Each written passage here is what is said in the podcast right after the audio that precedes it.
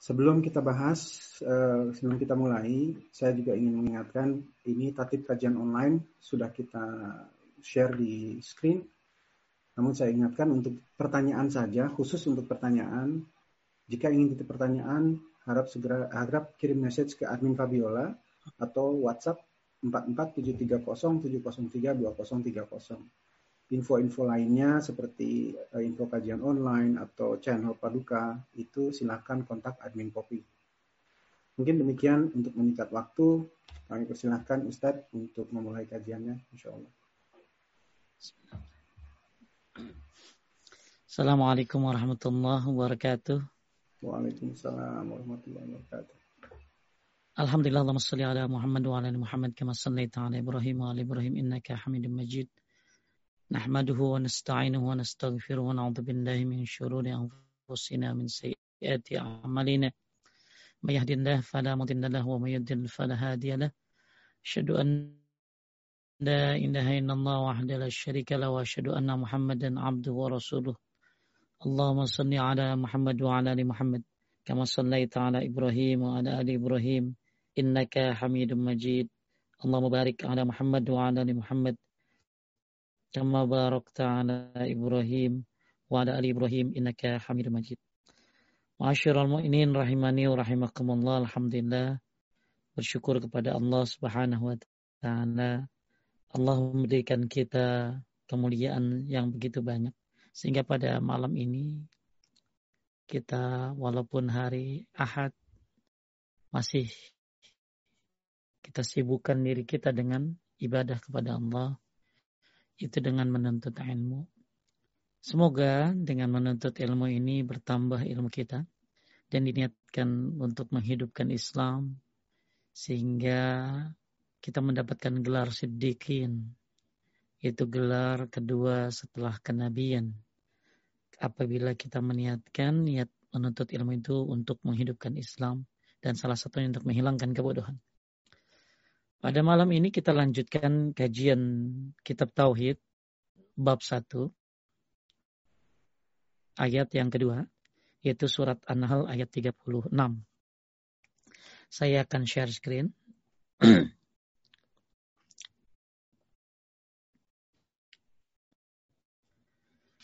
Kelihatan Kang?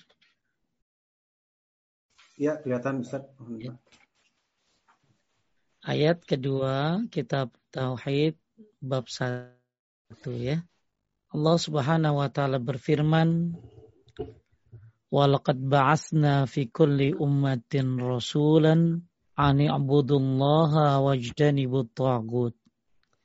Ini ayat yang kedua. Ayat yang pertama masih ingat Bapak-bapak, ibu-ibu, ada yang ingat ayat pertama apa? Kasih hadiah buku di chat sekarang kalau ada yang ingat ya ya.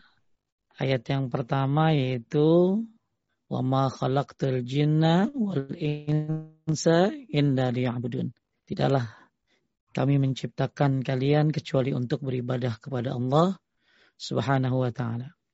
Kita sudah bahas mana ibadah itu apa, syarat-syarat diterima amal ibadah itu kayak apa, pembatal-pembatal amal ibadah itu apa, bagaimana syarat mengikuti Nabi Shallallahu Alaihi Wasallam, apa itu ikhlas, kita sudah bahas. Mudah-mudahan bertambah ibadah kita kepada Allah Subhanahu Wa Taala. Nah sekarang kita akan bahas ayat kedua dari kitab Tauhid yaitu dan sesungguhnya kami telah mengutus Rasul pada tiap-tiap umat untuk menyerukan sembahlah Allah saja dan jauhilah tagut. Ya, saya ulangi, walaqad ba'asna fi kulli ummatin rasulan an ibudullaha wajtanibut tagut. Sungguhnya kami telah mengutus rasul pada tiap-tiap umat untuk menyerukan sembahlah Allah saja dan jauhilah tagut. Kita akan bahas ayat per ayat, eh, kata per kata yang berkenaan uh, dengan pembahasan kita. Yang pertama adalah kalimat kami telah mengutus Rasul dan sesungguhnya kami telah mengutus Rasul. Kepada siapa Allah Subhanahu wa taala mengutus para nabi dan rasul? Allah Subhanahu wa taala ngutus para nabi dan rasul khusus hanya kepada kaum mereka. Sebagaimana firman Allah Subhanahu wa taala surat Ar-Ra'd ayat 7 dan bagi tiap-tiap kaum ada orang yang memberi petunjuk. Jadi kalau nabi dan rasul yang lain selain Nabi Muhammad itu hanya untuk kaum aja. Hanya untuk kelompok mereka saja, daerah mereka saja. Ya, akan tetapi untuk Nabi Muhammad Sallallahu Alaihi Wasallam ya diutus kepada semua umat manusia. Beliau adalah penutup para nabi dan penut dan beliau diutus ya kepada seluruh manusia sebagaimana firman Allah Quran surat Sabah 28 ya dan kami tidak mengutus kamu melainkan pada umat manusia seluruhnya sebagai pembawa berita gembira dan sebagai pemberi peringatan. Tetapi kebanyakan manusia tidak mengetahui ya. Ini uh, kita lagi bahas surat An-Nahl 36 kita lagi bahas kalimat kami telah mengutus rasul ya. Kepada siapa Allah Subhanahu wa taala mengutus para nabi dan rasul? Kepada penduduknya ya hanya untuk penduduk mereka kaum mereka akan tapi untuk Nabi Muhammad Shallallahu Alaihi Wasallam maka Nabi diutus untuk seluruh manusia Ya. Kemudian hikmah diutus para nabi dan rasul. Boleh Kang Rashid dibaca? Hikmah, hikmah diutusnya para nabi dan rasul. Mengajak manusia kepada menyembah Allah subhanahu wa ta'ala saja. Dan melarang penyembahan kepada selainnya. Firman Allah subhanahu wa ta'ala. Dan sesungguhnya kami telah mengutus rasul pada tiap-tiap umat. Untuk menyerukan. Sembahlah Allah subhanahu wa ta'ala saja. Dan jauhlah, jauhlah togut itu. Surat An-Nahl. Nah ini yang pertama. Pertama, tugas Nabi itu apa sih? Diutus para Nabi itu ya hikmahnya apa? Mengajak manusia untuk menyembah Allah. Makanya ini tujuan utama. Tujuan utama seluruh para nabi. Ya untuk untuk oh budullah, sembahlah Allah. Hmm. Sembahlah Allah. Makanya ketika ada orang yang syirik Bahkan uh, lau asyraku lahabitu anhum ma kanu ya'malun. Kalau para nabi itu syirik maka hilanglah seluruh amalannya. Itu nabi ya yang banyak amalnya, yang dekat sama Allah kalau syirik hilang gimana kita? Ya, nah, ini hikmah jadi utusnya para rasul mengajak manusia menyembah kepada Allah. Kemudian yang kedua mengajar manusia. Dalilnya kan? Dialah yang mengutus kepada kaum yang buta huruf seorang rasul di antara mereka yang, yang membacakan ayat-ayatnya kepada mereka, mensucikan mereka dan mengajarkan kepada mereka kitab dan hikmah. Dan sesungguhnya mereka sebelumnya benar-benar dalam kesesatan yang nyata. Ya, Nabi ngajarin kita. Ya, maka siapa yang mengajar? Ya termasuk pengajar agama tentunya ya, mengajar tauhid, mengajar sunnah, yang mengikuti langkah Nabi Sallallahu Alaihi Wasallam. Ada Abdullah bin Mubarak pernah ditanya, "Lau kila laka lam yabqa min umrika illa yawma kunta shani." Hei Abdullah bin Mubarak, apabila umurmu tinggal sebentar lagi, apa yang akan kau lakukan? Maka dia mengatakan, aku akan mengajar manusia. Aku akan mengajar manusia. Mengajar adalah pekerjaan yang mulia, Masya Allah. Ya, tentu dibekali dengan kesabaran, lapang dada. Ya, ini yang kedua, Nabi diutus untuk mengajar manusia. Yang ketiga, ya, menjelaskan kondisi manusia setelah sampai kepada roh mereka pada hari kiamat. Firman Allah Subhanahu wa taala, katakanlah, hai manusia, sesungguhnya aku adalah seorang pemberi peringatan yang nyata kepada kamu maka orang-orang yang beriman dan mengerjakan amal-amal soleh bagi mereka ampunan dan rezeki yang mulia. Dan orang-orang yang berusaha dengan maksud menentang ayat-ayat kami dengan melemahkan kemauan untuk beriman, mereka itu adalah penghuni-penghuni neraka. Nah ini, jadi Nabi itu tugasnya termasuk para Nabi itu menjelaskan kondisi manusia nanti akan ada akhirat. Bahwa hidup kita ini nggak cuma sampai di sini hidup yang sejatinya yang sebenarnya adalah di akhirat. Makanya kata Ibnul Jauzi bercapek-capeklah sebentar di dunia untuk istirahat yang lama di surga Firdaus. Ya. Makanya para nabi menjelaskan bukan hanya tentang urusan tentang dunia kita ditinggal tinggal di dunia tapi juga kita akan menuju akhirat ya kemudian yang keempat menegakkan hujjah firman Allah surat An-Nisa ayat 165 uh, mereka kami utus selaku rasul-rasul pembawa berita gembira dan pemberi peringatan agar supaya tidak ada alasan bagi manusia membantah Allah setelah diutusnya rasul-rasul itu. Di banyak manusia yang suka ngeles kan. Ya, sampai-sampai begitu di neraka itu Kang, uh, malaikat itu ya di dalam Quran surat Al-Muluk menyebutkan ya awalam ya'tikum nadir uh, ya awalam ya'tikum nadir karena begitu banyaknya manusia yang masuk neraka, begitu banyaknya manusia yang masuk neraka, sampai-sampai itu malaikat itu bertanya, gitu loh. Ya, awalam ya'tikum nadir, apakah nggak ada pemberi peringatan buat kalian? Apa jawab mereka? Qalu bala qad ja'ana nadhirun fakazzabna. Ya, telah datang pemberi peringatan, tapi kami mendustakannya. Jadi tujuan Nabi diutus adalah menegakkan hujah. Ya, bahwa Nabi adalah pemberi berita gembira, pemberi peringatan. Agar supaya tidak adalah sebaliknya manusia membantah Allah setelah diutusnya Rasul-Rasul itu. Ya manusia kan suka ngeles. Ya manusia itu suka ngeles. Bahkan nanti Kang di akhirat kita ini umat Nabi Muhammad akan menjadi saksi umatnya Nabi Nuh. Ya, jadi nanti umatnya Nabi Nuh itu itu ngeles dia. Ya, apakah Nuh telah menyampaikan? Tidak. Ya, maka kita akan jadi saksi. Nuh telah menyampaikan. Tahu dari mana, Kang Rashid, kalau Nabi Nuh menyampaikan? Kan ada di Al-Quran surat apa? Surat Nuh, kan ada tuh ya. Ya, cerita Nabi Nuh, bagaimana Nabi Nuh ditinggalkan, ya. Nah ini, makanya Nabi Muhammad SAW, di, itu, di, siapa pun para nabi, ditugaskan untuk menegakkan hujjah.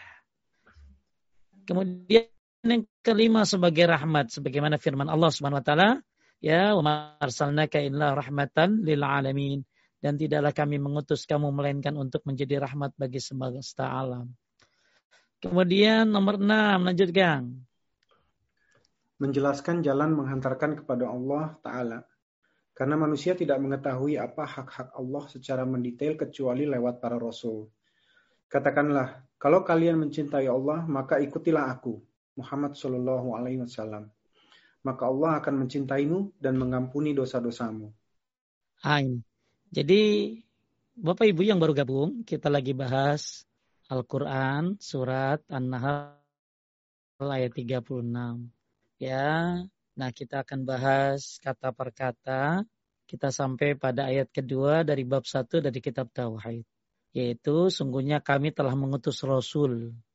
Jadi Rasul itu uh, diutus oleh Allah Subhanahu Wa Taala. Ada yang buat daerahnya, ada yang buat seluruhnya yaitu Nabi Muhammad SAW. Kemudian kita lagi bahas sekarang buat yang baru gabung, apa sih hikmah diutus para nabi itu? Satu mengajak manusia untuk menyembah Allah Subhanahu wa taala. Ini tujuan yang utama agar manusia menyembah Allah. Ya.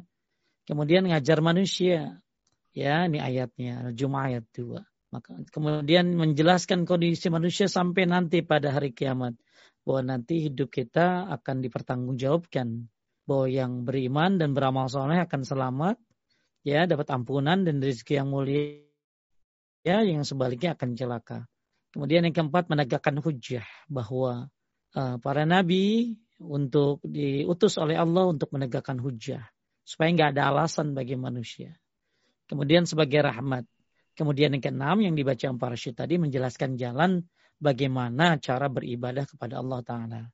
Makanya kalau kalian mencintai Allah maka ikutilah aku. Aku di sini adalah Nabi Muhammad SAW. Maka Allah akan mencintaimu dan mengampuni dosa-dosamu. Jadi kalau pengen tahu bagaimana cara mendekatkan diri kepada Allah, ya ikuti sunnah Nabi. Ya, uh, wa in tuti'uhu tahtadu. Kalau kalian mengikutinya, kalian akan dapat hidayah, akan dapat petunjuk. Ya banyak ayat-ayat yang menjelaskan tentang pentingnya mengikuti Nabi Muhammad SAW.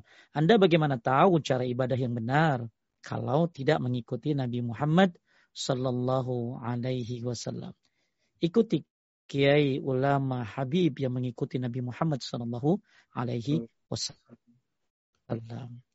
Jadi tugas Rasul yang keenam adalah menjelaskan bagaimana cara beribadah kepada Allah Subhanahu wa taala. Kemudian yang ketujuh jadi contoh teladan, ya. Ya, jadi contoh teladan. Ya innaka la'ala khuluqin azim. Ya pada diri Nabi al uswatun hasanah ya jadi Nabi ini pada ada dapat akhlak yang mulia.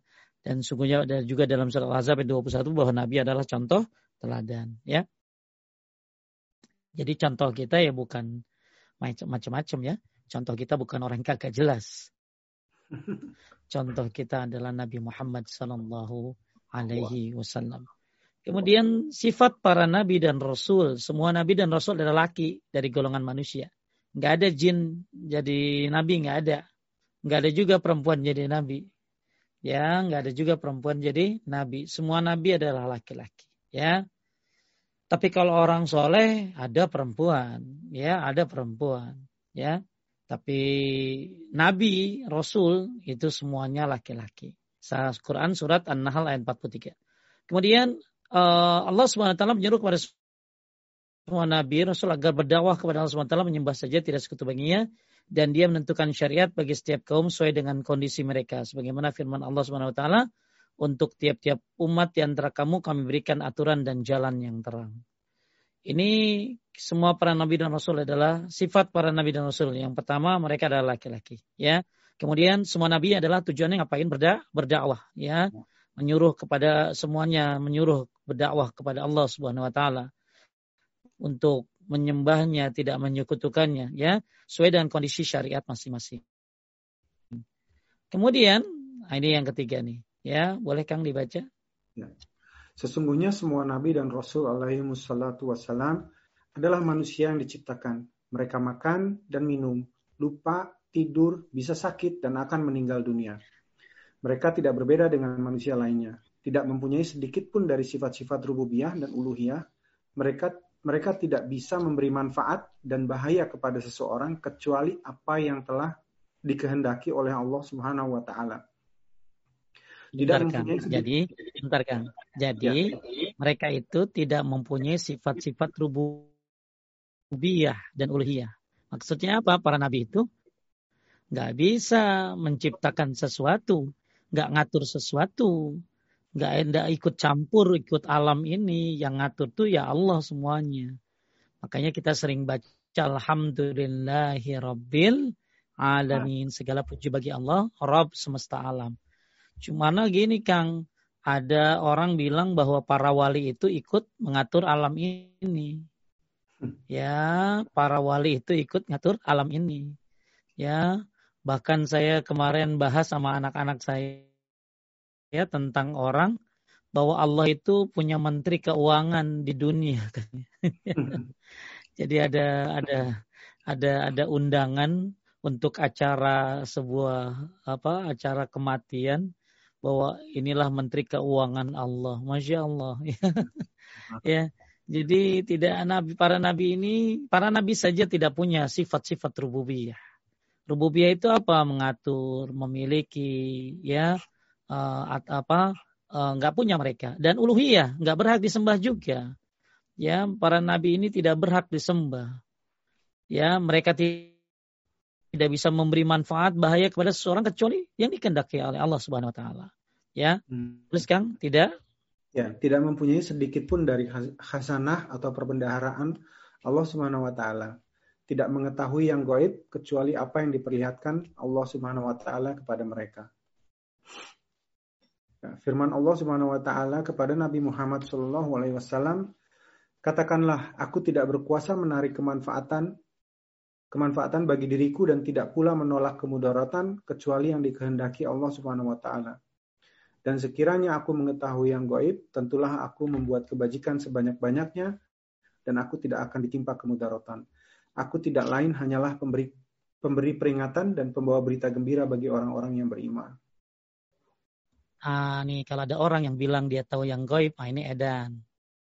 Karena Nabi aja nggak tahu yang goib. Ya. Makanya disebutnya ya orang pinter karena yang datang orang bodoh ya bagi ini Nabi sekira, dan sekiranya aku mengetahui yang gaib, tentulah aku membuat kebajikan saya. Enggak ada yang tahu yang gaib kecuali Allah. Ya, tidak ada yang tahu masa depan kita kecuali Allah. Sampai kita mati di di mana pun enggak ada yang tahu kecuali Allah. Makanya kalau ada orang yang bisa tahu yang gaib, ah itu namanya togut. Nanti akan kita bahas. Ya, dalam pembahasan ini. Ya, jadi para nabi di hikmahnya diutus sifat para nabi semuanya laki-laki dan mereka berdakwah semuanya. Hmm, untuk ngapain ngajarin tauhid ya, menjelaskan syariat sesuai dengan kondisi mereka masing-masing sesuai kondisi syariat mereka masing-masing. Kemudian para nabi ini manusia biasa, tapi mereka utusan Allah. Ya, mereka ini Abdullah wa Rasuluh utus mereka adalah hamba Allah tapi juga utusannya. Nah, makanya mereka punya sifat-sifat manusiawi, ya, punya sifat manusia tidur, lupa, sakit dan lain sebagainya. Ya, sampai pun meninggal dunia. Makanya waktu Nabi Muhammad meninggal, Kang, ya, maka Abu Bakar bilang begini. Man kana ya'budu Muhammad dan wa huwa qad mata.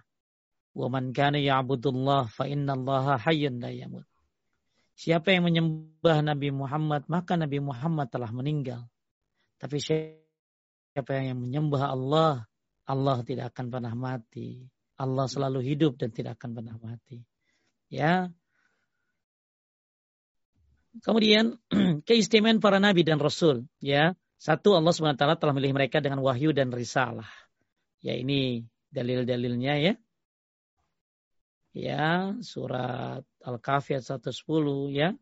Kemudian yang kedua, uh, sungguhnya mereka dipelihara dari kesalahan pada apa-apa yang mereka sampaikan kepada manusia yaitu akidah dan hukum. Jikalau mereka keliru, maka Allah Subhanahu wa meruskan mereka kepada yang hak dan benar. Jadi para nabi ini adalah terpelihara, dipelihara dari kesalahan pada apa yang mereka sampaikan pada manusia ya, yaitu akidah dan hukum. Jikalau mereka keliru, maka Allah meluruskan mereka. Ya, sebagaimana firman Allah dalam surat ya, sebagaimana wama yantiku anil hawa in huwa illa wahyu yuha, ya, bahwa dan tidaklah yang diucapkannya itu menurut kemauan hawa nafsunya, akan tapi ucapannya itu adalah hanyalah wahyu yang diwahyukan kepadanya, ya. Jadi eh, para nabi ini keistimewaannya adalah Allah memilih mereka ya dengan wahyu dan risalah. Kemudian yang kedua, mereka terjaga dari kesalahan. Kalaupun ada kekeliruan, maka Allah akan memperingatkan mereka, meluruskan mereka, ya. Kemudian mereka tidak bisa diwarisi setelah kematian mereka. Ya, dari Aisyah berkata Rasulullah SAW bersabda, kami tidak diwaris apa yang kami tinggalkan menjadi sedekah. Hmm. Kemudian mata mereka tidur tapi hati mereka tidak tidur. Itu Nabi itu. Ya, kalau kita mah ya mata tidur, hati tidur semuanya. Ya, dari Anas bin Malik radhiyallahu dalam cerita Isra dari Nabi SAW tidur kedua matanya tapi tidak tidur hatinya demikian dulu, dulu pula para nabi mata mereka tidur tapi hati mereka tidak tidur hadis diriwayatkan oleh Bukhari Ya, ini keistimewaan para nabi. Kemudian yang kelima, sungguhnya mereka diberi pilihan di antara dunia dan akhirat saat akan meninggal dunia. Boleh kan? Ya, dari Aisyah radhiyallahu Dari Aisyah? Ya, ia berkata, saya mendengar Rasulullah Shallallahu alaihi wasallam bersabda, tidak ada seorang nabi yang sakit kecuali diberi pilihan antara dunia dan akhirat. Dipilihkan antara dunia dan akhirat. Maksudnya mereka ditanya, mau hidup lama atau mau mati? Ketemu hmm. Allah, mereka lebih memilih apa kan? Ya, meninggal. Ya, lebih mereka ya. lebih meninggal. Ya, kalau kita ditanya, kalau Akang ditanya, Akang mau mati apa mau hidup lagi? Belum bisa jawab.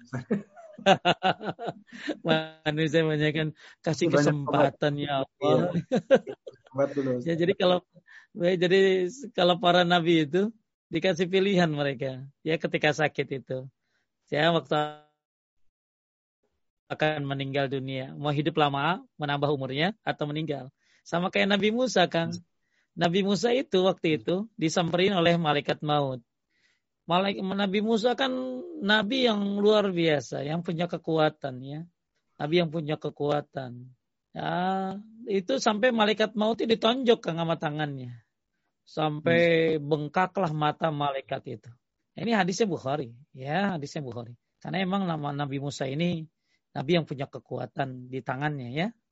Hmm. Kemudian akhirnya malaikat itu nyampein lagi kepada Nabi Musa, kalau kamu pengen nambah umur, maka kamu bisa taruh tangan kamu di atas apa ya, di atas binatang, ya.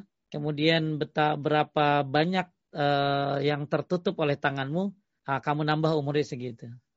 Kemudian dia nanya, lalu setelah itu apa yang saya terjadi setelah saya panjang umur? Ya mati juga. Ya udah kalau gitu sekarang aja mati kan gitu. Jadi para nabi itu dikasih pilihan ketika mau meninggal tuh. Mau hidup lama ya atau mau meninggal. Ya mereka lebih memilih berjumpa dengan Allah Subhanahu wa taala. Lain dengan kita sangat takut dengan kematian masya Allah.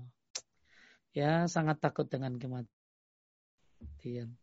Lain dengan kita yang selalu dikasih kesempatan tapi masih aja ya masih aja selalu mencari alasan-alasan dan alasan maka mudah-mudahan dengan belajar tauhid ini kita jadi ngerti, jadi paham, masya Allah betapa Allah Subhanahu Wa Taala memberikan kita banyak kesempatan di antaranya malam ini untuk belajar tauhid. Ya. Kemudian yang keenam, Kang, mereka ya, mereka dikuburkan di tempat mereka meninggal dunia. Dari Abu Bakar radhiyallahu anhu ia berkata, saya mendengar Rasulullah Shallallahu alaihi wasallam bersabda, tidak akan dikuburkan seorang nabi kecuali di tempat ia meninggal dunia hadis sahih.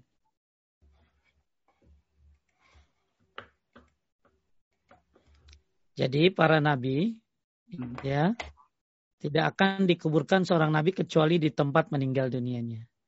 Ya. Jadi para nabi itu dikumpulkan eh dikuburkan di tempat meninggalnya. Ya, kayak Nabi Muhammad ya di kamarnya, di rumahnya. Ya, seperti itu para nabi khususnya. Kalau kita nggak boleh kan kalau kita harus di tempat kuburan rame gitu loh. Ya, hmm. kecuali para nabi. Kemudian bumi tidak dapat memakan jasad mereka. Jadi Aus bin Aus radhiyallahu anhu berkata Rasulullah SAW bersabda, sesungguhnya hari terbaik kamu adalah hari Jumat. Dan dalam hadis ini mereka bertanya, ya Rasulullah, bagaimana salawat kami diperlihatkan kepadamu sedangkan kau telah hancur? Mereka mengatakan, kau telah hancur. Beliau menjawab, sungguhnya Allah Subhanahu wa taala mengharamkan jasad para nabi kepada bumi. Hmm. Ya makanya dulu kan ada cerita orang-orang Yahudi pengen ngambil jasad Nabi Muhammad Sallallahu Alaihi Wasallam dari bawah tanah kan, dari bawah tanah. Kemudian ketahuan karena Nabi eh, Allah memberikan mimpi kepada raja, ya saya lupa raja siapa pada saat itu. Akhirnya uh, makanya uh, ketahuan ya hampir berapa meter lagi diambil jasad Nabi. Entah apa tujuannya, wallahu alam. Ya, jadi masya Allah, emang jasad para nabi ini nggak hancur. Kan? Jangankan para nabi, syuhada-syuhada, orang-orang yang hafiz Quran, orang-orang yang ada cerita-cerita yang yang yang luar biasa, mereka tidak hancur. Ya, kita pernah terjadi katanya apa syuhada-syuhada yang meninggal dunia ya termasuk waktu itu Kang eh, apa di kuburan Nabi itu kan ada tiga orang ya. Siapa ya. aja? Ya. Nabi, Abu Bakar, Umar. Nah waktu itu dinding, dinding tiang Masjid Nabawi itu roboh Kang. Hmm. Lalu menimpa kuburan. Lalu kelihatan kena satu kuburan Kang. Akhirnya keluar kaki, kakinya berdarah Kang. Padahal udah ribuan tahun ya. Ya, akhirnya keluar kaki. Nah, kakinya kelihatan berdarah gitu kakinya. Ternyata itu kuburannya Umar bin Khattab radhiyallahu anhu. Ya, jadi itu aja sahabat-sahabat beliau seperti itu ya. Gimana dengan Nabi Muhammad sallallahu alaihi wasallam dan para nabi lainnya. Jadi Allah Subhanahu wa taala mengharamkan jasad para nabi kepada bumi. Kemudian mereka tetap hidup di kubur dan mereka melakukan sholat.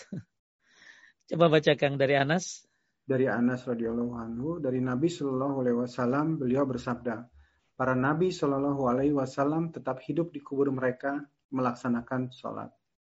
Tuh ya ini hadis sahih dalam kitab hadis sahih. Dan lanjut lagi kan dari Anas. Dari Anas radhiyallahu anhu, sesungguhnya Rasulullah Shallallahu alaihi wasallam bersabda, "Aku melewati Musa alaihissalam pada malam aku diisrokan, di sisi tumpukan pasir merah sedang sholat di dalam kuburnya." Ya, jadi kalau kita meninggal ya sudah kan. Ya, tidak ada amal lagi. Ya, kecuali sedekah jariah, ilmu yang bermanfaat, anak soleh yang mendoakan kita. Ya, kita nanti tidur, ada yang tidur kayak tidur pengantin. Ya, ada yang disiksa naudzubillah min zalik. Tapi untuk para nabi mereka tetap beribadah di alam kuburnya. Masya Allah. Ya, ini kita lagi bicara kehususan ya, kehususan para nabi. Ya, dan kita bukan nabi dan nabi sudah selesai, nggak ada lagi nabi. Nabi terakhir adalah Nabi Muhammad SAW. Kemudian yang kesembilan, istri-istri mereka tidak boleh dikawini setelah mereka setelah mereka meninggal. Ya, Nah ini dan tidak boleh kamu menyakiti hati Rasulullah dan tidak pula mengawini istri-istrinya selama-lamanya setelah ia wafat. Sungguhnya perbuatan itu adalah amat besar dosa yang sisi Allah Subhanahu Wa Taala. Ya. Hmm. Kemudian wajib beriman kepada semua nabi dan rasul. Makanya kita mengimani seluruh para nabi, termasuk Nabi Isa. Kita mengimani Nabi Isa alaihissalam. Ya, bahwa Nabi Isa itu ada. Ya, kita mengimani seluruh nabi. Ya, Kenapa? Ya, barang siapa yang kafir kepada salah seorang dari mereka, berarti dia kafir kepada semuanya. Wajib membenarkan apa yang sahih dari mereka, yaitu berita-berita mereka, mengikuti mereka dalam kebenaran iman, sempurna tauhid dan akhlak yang baik, dan wajib mengamalkan syariat Nabi yang diutus kepada dari mereka. Ya, nah ini uh, ayat-ayat surat An-Nisa ayat 136.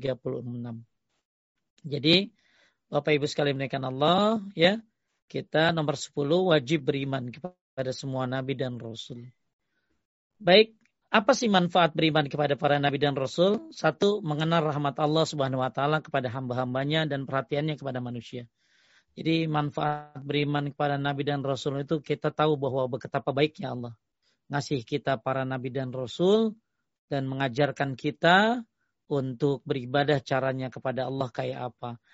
Ini makanya kalau kita beriman kepada Nabi dan Rasul, seolah kita mengenal rahmat Allah, mengenal kasih sayang Allah. Ya, kalau kita nggak diutus Nabi dan Rasul, gimana cara ibadah? Nggak ngerti kita. Maka Nabi dan Rasul diutus, ya, untuk kita mengenal rahmat Allah Subhanahu wa Ta'ala. Kemudian memuji Allah Subhanahu wa Ta'ala dan bersyukur kepadanya atas nikmat ini. Makanya kita disuruh untuk uh, banyak bersyukur kepada Allah Subhanahu wa taala. Kenapa? Karena nikmat memiliki para nabi, khususnya nabi kita Muhammad sallallahu alaihi wasallam. Kemudian yang ketiga, mencintai Rasul dan memuji mereka tanpa berlebihan. Ya, karena mereka adalah utusan Allah Subhanahu wa taala, beribadah kepadanya, menyampaikan risalahnya dan beri nasihat kepada hamba-hambanya. Inilah kalimat walaqad ba'asna fi kulli dan sungguhnya kami telah mengutus Rasul. Ya, mengutus Rasul. Kita bahas tadi kalimat ini dan sungguh kami telah mengutus Rasul. Ya, jadi siapa sih Rasul itu? Apa sih keutamaannya? Ya, apa sih faedah mengimaninya? Siapa mereka? Sifat-sifatnya kita harus tahu. Ya, ya khususnya Nabi kita Muhammad Sallallahu Alaihi Wasallam. Kemudian ayat yang masih dalam ayat yang sama An-Nahl 36 kita akan bahas di sini dan sesungguhnya kami telah mengutus rasul pada tiap-tiap umat. Pada tiap-tiap umat. Dan kami dan ini yang akan kita bahas kalimat ini dan kami utus rasul di setiap umat. Yang dimaksud umat adalah golongan manusia. Kata umat dalam Al-Quran dimaksudkan untuk empat makna. Satu berarti golongan atau kelompok seperti ayat ini, ya. Jadi hmm. ada banyak di dalam kalau Akang Rashid baca Al-Qur'an itu ada kalimat umat. Ya. Nah, kalimat umat itu ada empat maksudnya. Yang pertama adalah golongan atau kelompok sebagaimana An-Nahl 36. Kemudian yang kedua, umat juga berarti imam. Inna Ibrahim kana ummatan. Tuh, di sini ada kalimat umatnya, Kang. Hmm. Ya, nah jadi kita lagi belajar sedikit bahasa nih. Jadi Ibrahim itu adalah imam. Jadi dalam Al-Quran ada kalimat-kalimat umat. Ya, Nah, salah satu maknanya adalah berarti golongan atau kelompok sebagaimana An-Nahl 36. Tapi ada juga umat artinya bukan golongan tapi imam. Sebagaimana apa tadi? Nabi Ibrahim, Nabi Ibrahim di surat ini An-Nahl 120. Kemudian ada lagi berarti agama sebagaimana firman Allah kadzalika marsalna min qablika bi qaryatin min nadirin illa qala mutrafuha inna wajadna abana ala ummatin wa inna ala asarihim muktadun. Di sini ada kalimat umat juga, tapi arti umatnya apa? Berarti agama. Ya, masya Allah. Kalau kita belajar Al-Quran ya Kang, masya Allah terlalu banyak yang harus kita bahas. Terlalu indah, terlalu dalam. Makanya disuruh belajar tafsir, belajar tafsir. Makanya kata Ibnu Hubairah, manusia itu akan dijauhkan dari tafsir sejauh-jauhnya oleh setan. Karena kalau manusia bisa tahu tafsir, dia tahu kebenaran. Makanya yang udah rajin baca Quran, yuk perdalam dengan baca tafsir. Ya, satu ayat ngerti, paham, Masya Allah, luar biasa itu. Tahu turunnya di mana nih surat ini. Ya, tahu ini maksudnya apa surat ini. Maka orang-orang dulu Kang, kalau lagi baca Quran, tadinya ngantuk jadi nggak ngantuk. Tadinya ngantuk, begitu baca Quran jadi nggak ngantuk. Kalau orang sekarang, tadinya nggak ngantuk, begitu baca Quran, ngantuk. Jadi ngantuk. Ya, kenapa bedanya? Karena karena mereka tuh memahami, baca, meneliti satu ayat itu diteliti, dipahami, makanya kagak ngantuk gitu kan. Kalau akang banyak pikiran susah ngantuk kang. Nah, kalau kita meneliti kan satu, oh ini, oh ini maksudnya, oh ini jadi nggak ngantuk. Ya kalau kita nggak ngerti, nggak paham, makanya ngantuk kadang-kadang. Ya, oleh karena itu, coba yuk Bapak Ibu sekali menaikkan Allah. Ya, yang apalagi yang sering di rumah work from home, apalagi yang memang home mulu gitu ya, di rumah mulu. Yuk, kesempatan nih baca tafsir Quran supaya kita bukan hanya membaca tapi juga mentafakuri, mentadaburi, masya Allah. Makanya satu ayat kita ngerti paham itu bagaikan kayak satu berlian, Kang. Satu hmm. ayat ngerti paham satu berlian. Tapi kalau satu juz nggak ngerti nggak paham, tapi dibaca ya kayak duit banyak, tapi nggak punya berlian. Ya makanya bagi-bagilah baca waktunya. Ada baca tafsirnya, ada kadang-kadang apa uh, nanti jam sekian baca ayatnya, ya.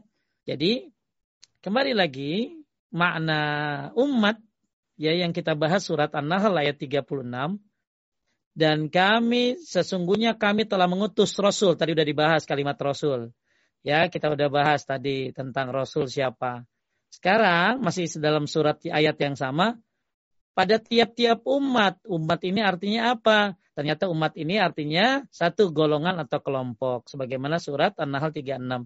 Yang kedua, umat ini berarti imam. ya. Dan seperti dalam firman ini, Sungai Ibrahim adalah seorang imam. Di sini pakai kata imam, dikatanya pakai umat. Kemudian yang ketiga, umat berarti agama. Ya, agama. Sebagaimana Az-Zuhruf 23. Dan terakhir, berarti waktu. Seperti dalam firman Allah, ya wa qala alladziina jaminhuma waddaqara ba'da ummatin ana unabbiukum bitawilihi farsilun ya ya, ya berarti waktu ya berarti waktu ya nih jadi jadi nah sekarang yang an-nahl ayat 36 ini yang mana Kang artinya? Imam uh, imam uh, atau artinya waktu atau artinya uh, yang ketiga tadi agama atau yang pertama golongan. Maka umat pada surat An-Nahl ayat 36 ini artinya apa? Ini artinya berarti golongan atau kelompok. Kelompok ya, kelompok seperti ayat ini. Ya, jadi arti umat di dalam Al-Qur'an banyak ya, ada empat pokoknya. Ya, golongan, imam, agama, atau waktu. Ya. Selanjutnya masih dalam ayat yang sama kita bahas selanjutnya. Walakat ba'asta fi kulli ummatin rasulan an ibudullah wajtanibut tagut dan sungguh kami telah mengutus rasul udah kita bahas pada tiap-tiap umat udah kita bahas untuk menyuruhkan apa? Sembahlah Allah saja. Ya. Sembahlah Allah saja. Ini Allah perintahkan para nabi dan rasul untuk mengajarkan kita sembahlah Allah saja. Ya, ma ayat Ayat yang semakna dengan ini banyak. Seperti Al-Arab ayat 59. Qad arsalna Nuhan ila qaumihi faqala ya qaumi ibudullah. Nah ini nih. Ya qaumi ibudullah ma lakum min ilahin ghairuh inni akhafu alaikum adzab yaumin azim. Sungguh kami benar-benar telah mengutus Nuh kepada kaumnya Lalu dia berkata, wahai kaumku, sembahlah Allah. Tidak ada Tuhan sesembahan bagimu selain dia. Tuh. Jadi semua nabi diutus oleh Allah Subhanahu wa taala untuk menyerukan sembahlah Allah An-Nahl 36. Ayat yang lain apa aja lagi? Banyak ada Al-A'raf 59, ada lagi surat yang lain Al-A'raf 73, Wa ila thamuda akhahum salihan qala ya qaumi ibudullah. Ya qaumi ibudu qala ya qaumi ibudullah malakum min ilahin ghairuh. Ya, saya kuningin nih. Dan kepada Samud kami utus saudara mereka soleh. Dia berkata, wahai kaumku, sembahlah Allah, tidak ada Tuhan sesembahan bagimu selain dia. Jadi semua nabi ngajarinnya tauhid dulu. Semua nabi ngajarinnya sembahlah Allah dulu. Jadi semua nabi mengajarkan kepada kita apa? Ya, mengajarkan kepada kita untuk menyembah Allah Subhanahu wa taala. Ya. Sama kayak Nabi Muhammad waktu ngajarin Muaz bin Jabal untuk mau, mau pergi ke Yaman, maka Nabi nyuruh Muaz untuk apa? Mengajarkan kada kalau untuk ahli kitab ya apa sembahlah Allah, ajarin tauhid. Maka tauhid adalah kewajiban ilmu pertama kali yang harus kita pelajari. Maka tauhid adalah kitab yang pertama kali yang harus kita baca sebelum yang lain. Jadi pernah ada yang nanya sama saya, Pak Ustadz, buku apa sih yang kalau kita baca bagus kalau saya baru hijrah nih? Ya tauhid. Ya, tauhid ini buku yang pertama kali yang bagus Anda Anda baca, ya. Kemudian ayat yang lain. Surat Al-A'raf 85, ya. Wa ila madyana akhahum syu'aiban qala ya qaumi ibudullah. Nah ini. Ya, penduduk Madian kami utus Nabi Su'aib, saudara mereka sendiri dia berkata, "Wahai kaumku, sembahlah Allah." Nabi Syuaib ngomong sembahlah Allah. Dan Nabi Muhammad sallallahu alaihi wasallam pun berkata, Ya was'al man arsalna min qablika min rusulina aj'alna min dunir rahmani alihatan yu'badun. Dan tanyakanlah kepada rasul-rasul kami yang telah kami utus sebelum engkau. Apakah kami menentukan Tuhan-Tuhan selain Allah yang maha pengasih untuk disembah? Ya, jadi intinya keseluruhan para nabi mengajarkan La ilaha illallah. Maka saya mengajak kepada Bapak Ibu semuanya, yuk belajar tauhid, belajar tauhid, belajar tauhid. Ya, sholat sambil jalan kita lakukan. Tauhid kita perdalam. Karena kewajiban mengetahui tauhid ini adalah kunci surga. Ya, kita nggak bakalan bisa masuk surga tanpa tauhid. Oleh karena itu Bapak Ibu sekalian muliakan Allah, jangan sungkan-sungkan beli kitab tauhid. Banyak sekali di online sekarang. Ya, ada Ustadz Yazid bin Qadir Al Abdul Qadir Jawas ngeluarin syarah tauhid. Ada Syekh Usaimin, ya guru beliau ngeluarin juga kitab tauhid namanya uh, Qaulul Mufid. Ada lagi Syekh Alu Syekh ya, kitab Fatul Majid. Ada lagi Ustadz Firanda bikin uh, bikin kitab tauhid juga syarah kitab tauhid. Banyak sekali kitab-kitab tauhid yang bagus untuk Anda miliki dan insya Allah ini adalah kitab yang pertama yang bagus kita perdalam. Ya, Banyak sih orang senangnya tuh apa? Ya tahajud pahalanya sekian. Orang seneng banget tuh, demen banget. Ya. Sholat duha pahalanya sekian. Udah demen banget tuh orang tuh. Sampai-sampai rizki yang kagak ada hubungannya di bawah-bawah tuh. Pokoknya yang sholat duha rizkinya berlimpah dah gitu ya. Pokoknya orang seneng banget kalau urusannya ya urusan urusan sholat. Padahal urusan sholat penting, tapi ada yang lebih penting yaitu tau tauhid ya kitab tauhid. Kemudian kita sampai pada uh, kalimat yang terakhir. Walaqad ba'asna fi kulli ummatin rasulan ani abudullah wajtanibut tagut. Dan sungguh kami telah mengutus rasul, udah kita bahas. Tiap-tiap umat udah kita bahas. Umat ada berapa artinya? untuk menyerukan sembahlah Allah udah kita bahas. Nah sekarang kita bahas jauhilah tagut ya. Jauhilah tagut. Allah juga berfirman, boleh Kang Rosid dibaca? Ya, tidak ada paksaan tidak ada paksaan untuk memasuki agama Islam. Sesungguhnya telah jelas jalan yang benar daripada jalan yang sesat. Karena itu barang siapa yang ingkar kepada togut dan beriman kepada Allah, maka sesungguhnya ia telah berpegang kepada buhul tali yang amat kuat yang tidak akan putus. Dan Allah maha mendengar lagi maha mengetahui. Saya blok nih. Yang ingkar kepada Tagut. Dan beriman kepada Allah. Ya. Maka sesungguhnya ia telah berpegang pada tali yang kuat. Bir'urwatil wuthqa. Ya, yang tidak akan putus. Nah ini Kang, maksud tali yang kuat ini adalah kalimat la ilah illallah. Ya, jadi nanti kita belajar kalimat la ilaha illallah ini banyak sekali uh, apa di apa uh, apa kiasan-kiasannya. Ya. Seperti kalau Bapak Ibu uh, lihat di dalam kitab ini bagus juga untuk dikoleksi ya. Ini tentang memahami kalimat syahadat. Ya, karangan dari Ustadz Yazid Abdul Qadir Jawas. Ini di dalamnya Bapak Ibu akan belajar tentang dua kalimat syahadat saja. Asyhadu an la ilaha illallah wa asyhadu anna Muhammadar Rasulullah. Di sini akan Anda lihat betapa hebatnya kalimat la ilaha illallah. Nah, salah satu uh, apa nah, nama kalimat la ilaha illallah di sini disebutkan apa? Di sini disebutkan apa tadi Kang? Buhul tali yang amat kuat.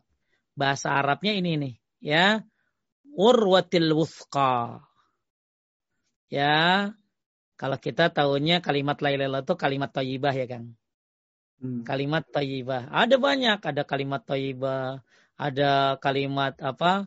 Uh, urwatil wuthqa banyak uh, disebutannya.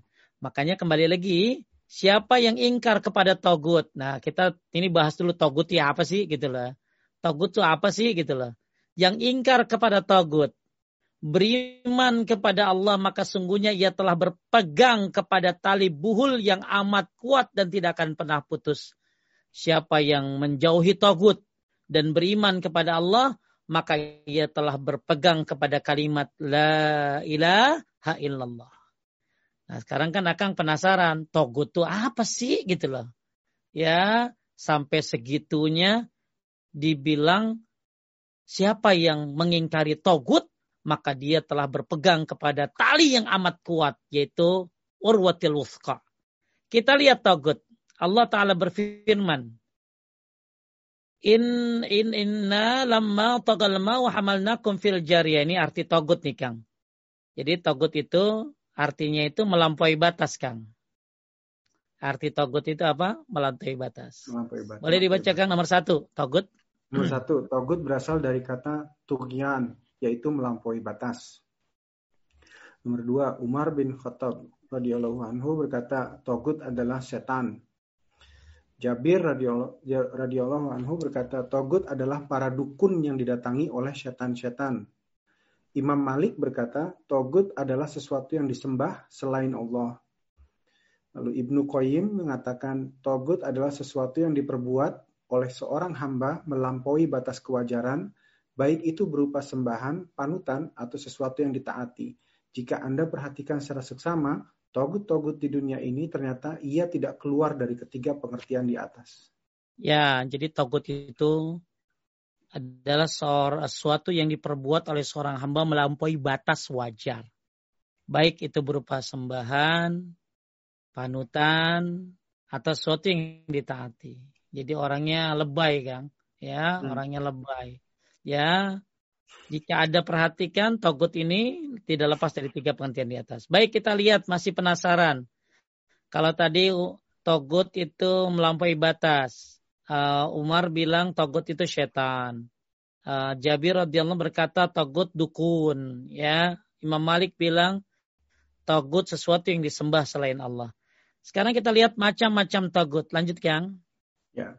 Pertama, iblis laknatullah iblis merupakan pimpinan togut. Kenapa? Karena dia diibadahi, diikuti, dan sekaligus ditaati, dan dia ridho dengan perbuatan tersebut. Allah Ta'ala berfirman, Bukankah aku telah memerintahkan kepadamu, hai Bani Adam, supaya kamu tidak menyembah syaitan? Sesungguhnya syaitan itu adalah musuh yang nyata bagi kamu. Alam ahad ilaikum ya Bani Adam an la ta'budu syaitan. Innahu lakum aduwwum mubin. Allah telah perintahkan kepadamu, hai Bani Adam, bukankah aku telah perintahkan kepadamu supaya kamu tidak menyembah setan. Nah ini, jadi togut, the best togut ini ya iblis, Kang. Hmm. Ya, uh, ya. Ini yang pertama. Makanya hati-hati sama tipu daya dia. Jadi kita akan bahas macam-macam togut. Apa tuh? Yang pertama iblis, la'anatullah. Nah sekarang kita lihat tipu daya dia. Lanjut Kang, Ibnu Qayyim. Ibnu Qayyim Al-Jauziyah menyebutkan dalam kitab Al-Bada'iul Bada'iul Fawaid di akhir juz kedua sebagai berikut.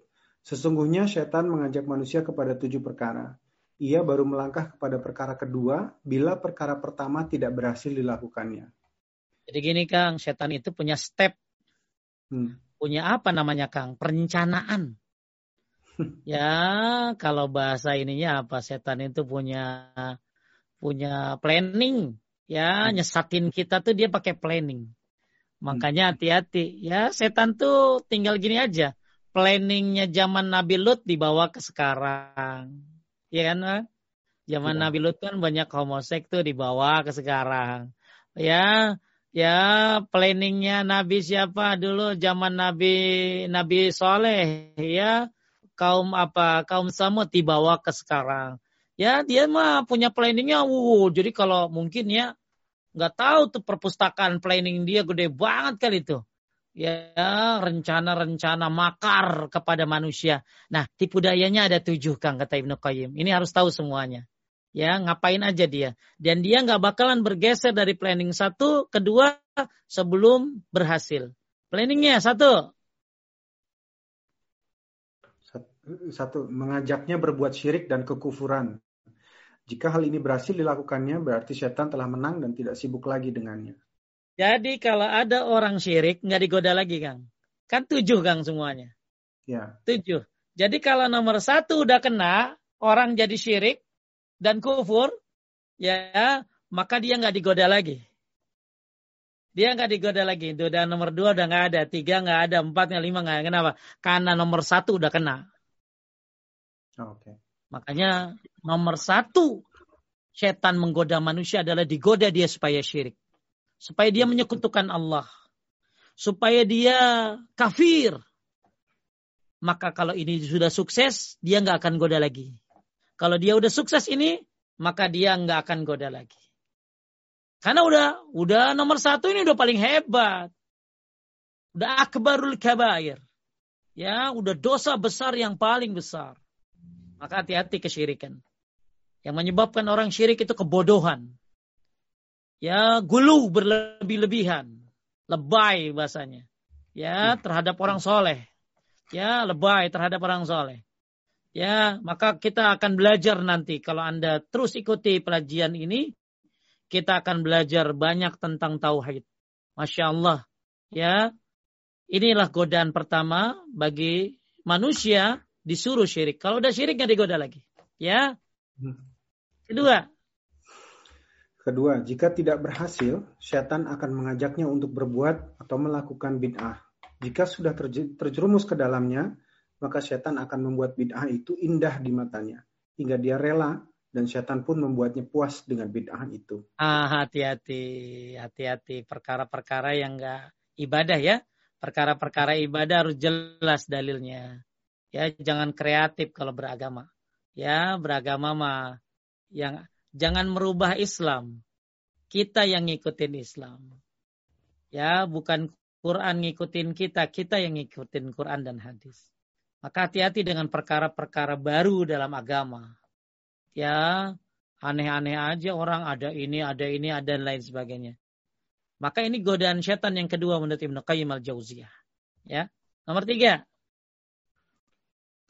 Nomor tiga. Jika dengan itu tidak berhasil juga, setan akan menjerumuskannya ke dalam dosa-dosa besar. Gak bisa dia ngaji rajin di paduka, kata setan tuh. Gak bisa hmm. dia digoyang tauhidnya gak bisa, udah rajin ngaji. Ya, Susah ada tuh gorang goyang dia tuh parasit tuh. Udah pakai nomor dua. Kagak bisa juga. Kenapa? Dia lagi getol-getolnya jalanin sunnah. Ya, maka setan godain Pak Rashid dengan yang ketiga. Dosa-dosa besar. Ya, ya disturhaka sama orang tua. Zina. Banyak dosa besar ya 70. Ya, Ternyata setan juga kagak bisa godain parasit. Kenapa? Karena dia udah tahu dosa-dosa besar apa. Maka dia coba setan godain dengan dosa-dosa kecil. Hmm. Ya, jika setan tidak berhasil menggoda parasit dengan dosa besar, akan dijerumuskan parasit ke dalam dosa-dosa kecil. Ya, hmm. kenapa? Makanya do, zina awalnya dari apa, Kang? Dari mata. Dari mata. Terus dari mata ke mana? dari mata turun ke hati. Dari mata jatuh ke pikiran. Pikiran. Ya, Baik, dipikirin terus ya. Aduh, ini man cakep banget yang di rumah, hancur banget. Ya. Terus ya, uh, yang cewek lihat laki ya, ya, lihat sapi ya. Tahu Kang sapi, Kang? Iya, iya. Sang pria idaman ya Ya, sapi itu lihat sapi, sang pria idaman. Ya, akhirnya apa? Di uh, di akalnya ada apa? Aduh, yang di rumah mah gemuk banget ini, sterak banget. Nah, inilah. Makanya dosa-dosa besar itu cabangnya dosa-dosa kecil itu cabangnya dosa-dosa besar. Ya, dosa-dosa kecil itu cabangnya dosa-dosa besar. Makanya kalau setan udah nggak berhasil godain parosit pakai dosa besar, dia pakai dosa kecil. Ya. Hmm. Nah, lanjut yang kelima, Kang. Yang kelima, eh, jika tidak berhasil juga, setan akan menyibukkannya dengan perkara-perkara mubah hingga ia lupa beribadah. Contohnya apa, Kang? Kerja. Sibuk kerja, uh, lupa sholat. Ya. Sibuk olahraga, main sepeda sampai seharian, Kang. Poho sholat gitu ya. Ah hati-hati. Sibuk ya golepan ya sampai lupa. Nah ini hati-hati ya. Olahraga bagus boleh niatin. Niatin untuk ibadah. Tapi jangan sampai perbuatan-perbuatan mubah membuat dia melakukan dosa-dosa besar ya ke mall boleh aja dong apalagi lagi aman lama-lama lupa ya lupa apa, lupa ibadah, hati-hati. Ya, ini poin yang keenam. Terus yang kelima, eh, yang kelima ya, keenam. Ya, tadi kelima. Sekarang keenam, jika tidak mempan juga, setan akan membuatnya dengan perkara-perkara yang kurang penting hingga ia abaikan perkara-perkara yang penting. Ah, dia belajar agama banyak, Kang. Lupa belajar tauhid. Hmm. Ah, ya belajar. Wah, ibadahnya rajin banget tapi lupa dia memperdalam akidahnya. Ya, hmm. makanya ada hal-hal yang penting, ada yang lebih penting. Oleh karena itu, ketika setan tidak bisa menggoda dengan hal-hal yang mubah, maka dia akan menggoda dengan hal-hal yang kurang penting dan abaikan perkara-perkara yang lebih penting. Hmm. Ya. Ah, terus nomor terakhir Eh, terakhir nomor tujuh, jika gagal juga, maka setan akan melakukan tipu daya terakhir. Jarang orang yang selamat darinya, hingga para nabi dan rasul sekalipun, yaitu mengerahkan bala tentaranya dari jenis manusia untuk menyerang orang-orang yang berpegang teguh dengan agamanya. Coba Kang. Jadi setan itu udah putus asa kalau nomor tujuh ini dia suruh setan berjenis manu manusia. Ya, coba Kang kalau setan berjenis setan ya, kita tinggal baca auzubillahi minasyaitonirrajim. Kabur dia, baca ayat kursi, kabur dia. Nah, kalau setannya cantik gimana tuh Kang? Ya, tiba-tiba nge-WA, nge-WA ya, masih ingat enggak? Cihela. Ya, siapa nih? Ih, udah lupa ya sombong, mentang-mentang udah punya istri. Ah, ini ya Makanya saya bikin tulisan Kang, tapi belum ini sih ya, belum belum apa? Belum selesai ya. Capek banget nulisnya kayaknya. Judulnya ini When My Ex Say Hello. Cihela ya. Ketika mantanmu berkata, "Hey, apa kabar?" ya, hati-hati nih, ya, hati-hati. Ya, medsos bisa menyebabkan orang membuka teman-teman lama, pacar-pacar lama harus di close itu semuanya ya ya ini apa uh, udah udah harusnya buang ke laut ya, apa CLBK itu harus cinta lama buang ke laut ya jangan jangan diingat nah ini nanti maka setan ketika sudah putus asa dari nomor satu nomor dua nomor tiga nomor empat nomor lima nomor enam maka dia akan make nomor tujuh nah, ini jarang yang ini nih jarang yang gagal setan melakukan ini. Ya, maka mudah-mudahan kita semua bisa menjaga diri. Makanya kita lagi bahas poin yang terakhir. Siapa itu togut? Ini biangnya togut ini. Iblis la'anatullah. Ya, makanya kalau pengen bikin iblis nangis gimana Kang? Kalau pengen bikin iblis nangis, belajar tauhid.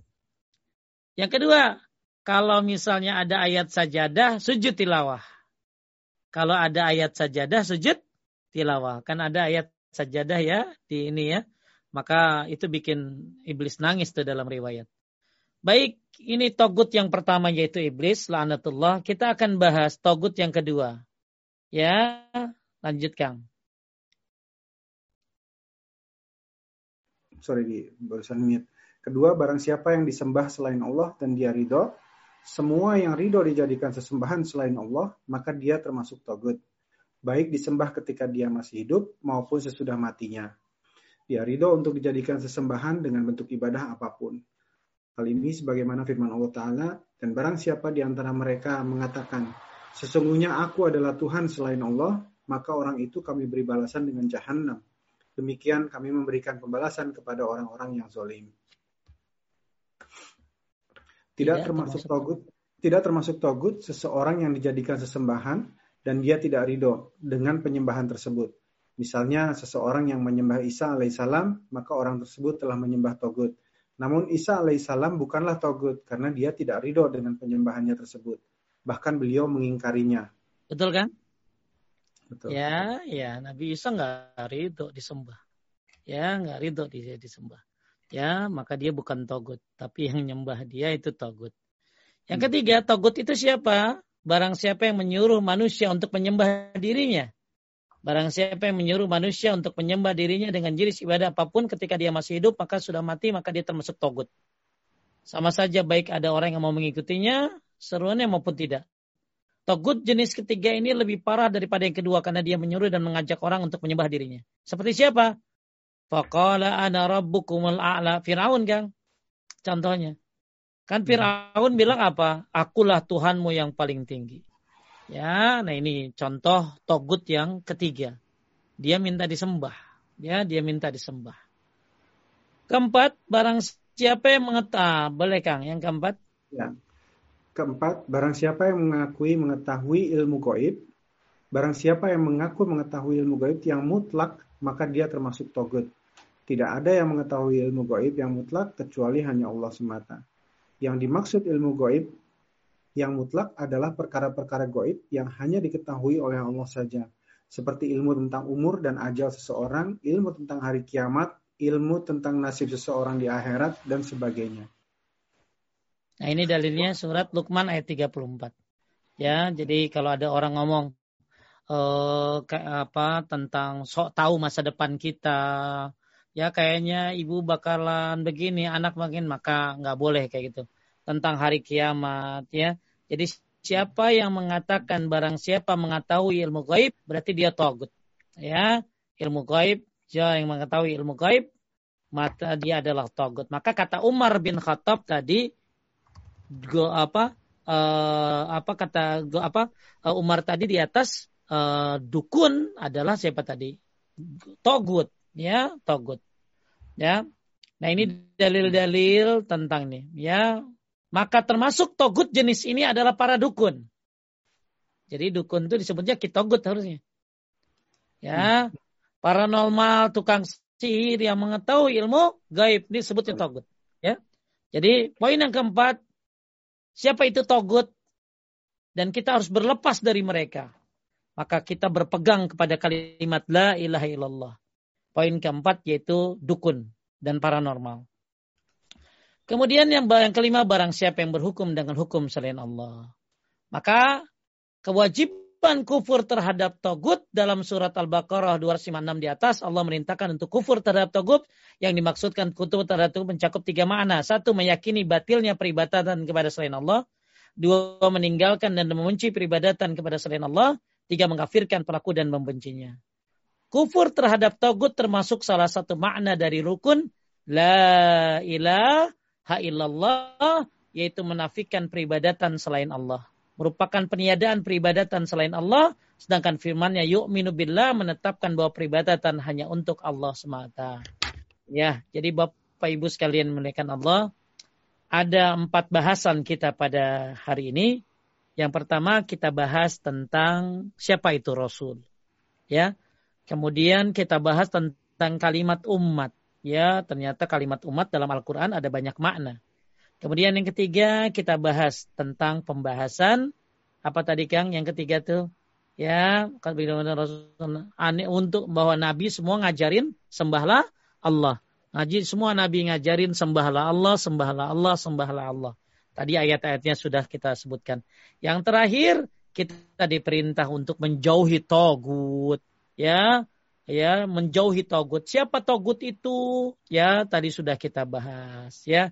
Biang togut yang pertama siapa tadi? Iblis. Ya, inilah biang togut nih. Ya, maka hati-hati dengan tipu dayanya. Maka tipu dayanya satu, tadi udah dibahas. Ya, dia ngajak untuk si syirik. Kalau udah syirik nggak digoda lagi. Dua, kalau nggak berhasil ngajak bid'ah. Ya, ketiga nggak bisa juga pakai dosa besar. Nggak bisa juga pakai dosa kecil. Nggak bisa juga pakai perkara-perkara yang mubah. Nggak bisa juga pakai perkara yang kurang penting. Yang terakhir jika gagal, maka dia akan menyuruh setan berbentuk jin dan manusia. Ya, ini togut yang pertama yang harus kita hati-hati. Yang kedua, barang siapa yang disembah selain Allah dan dia ridho, ya. Nah, jadi dia disembah dan dia ridho. Kalau dia nggak ridho berarti bukan togut. Ya.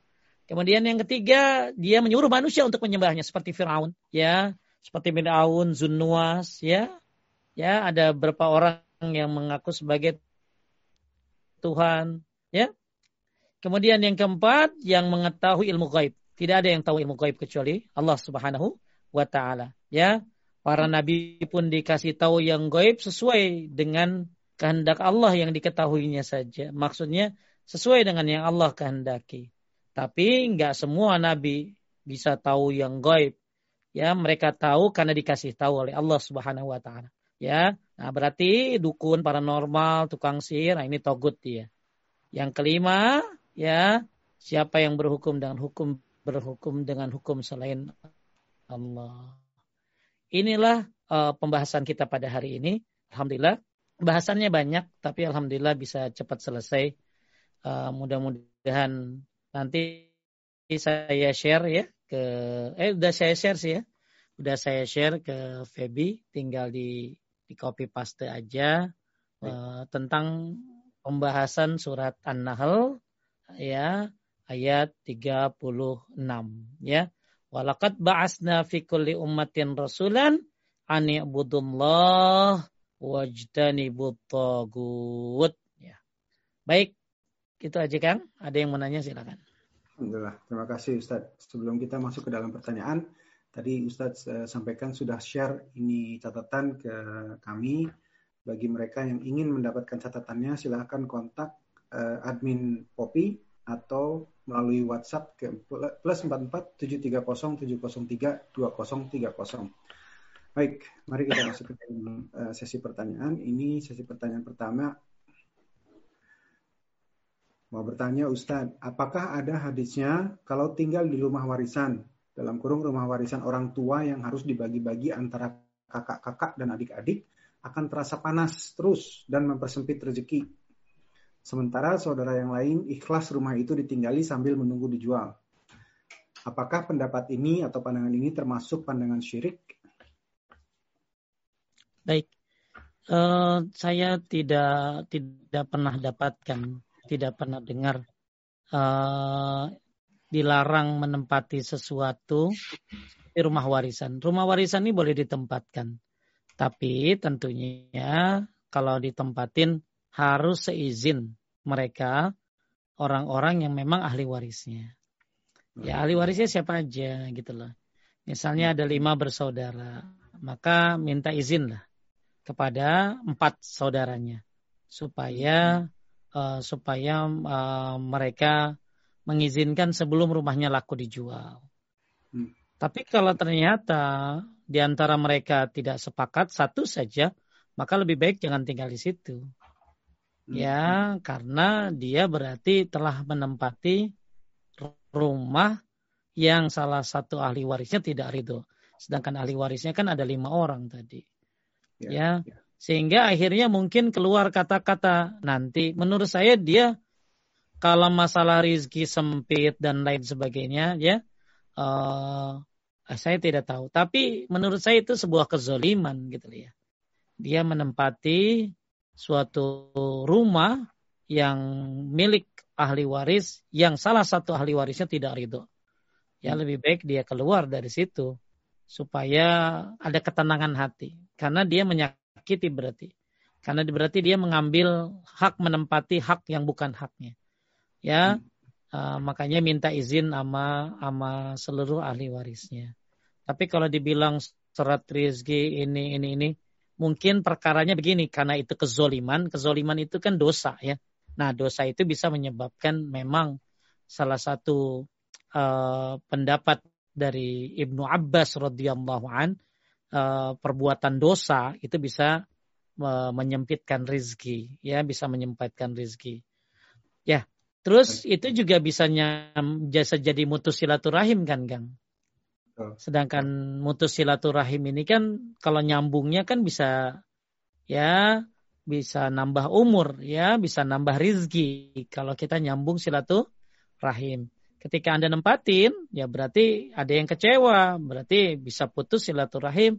Nah, akhirnya jadi kezoliman, akhirnya bisa menyebabkan hal-hal lain.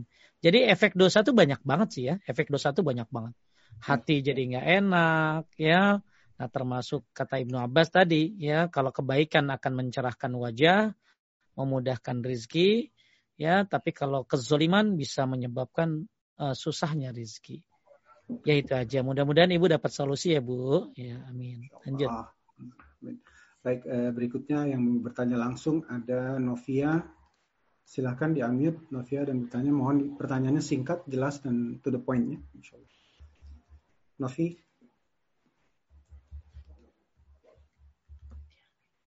Novi belum. Ya, bisa? Bisa Novi? Yes. Ya, silahkan kemute lagi nih rupanya.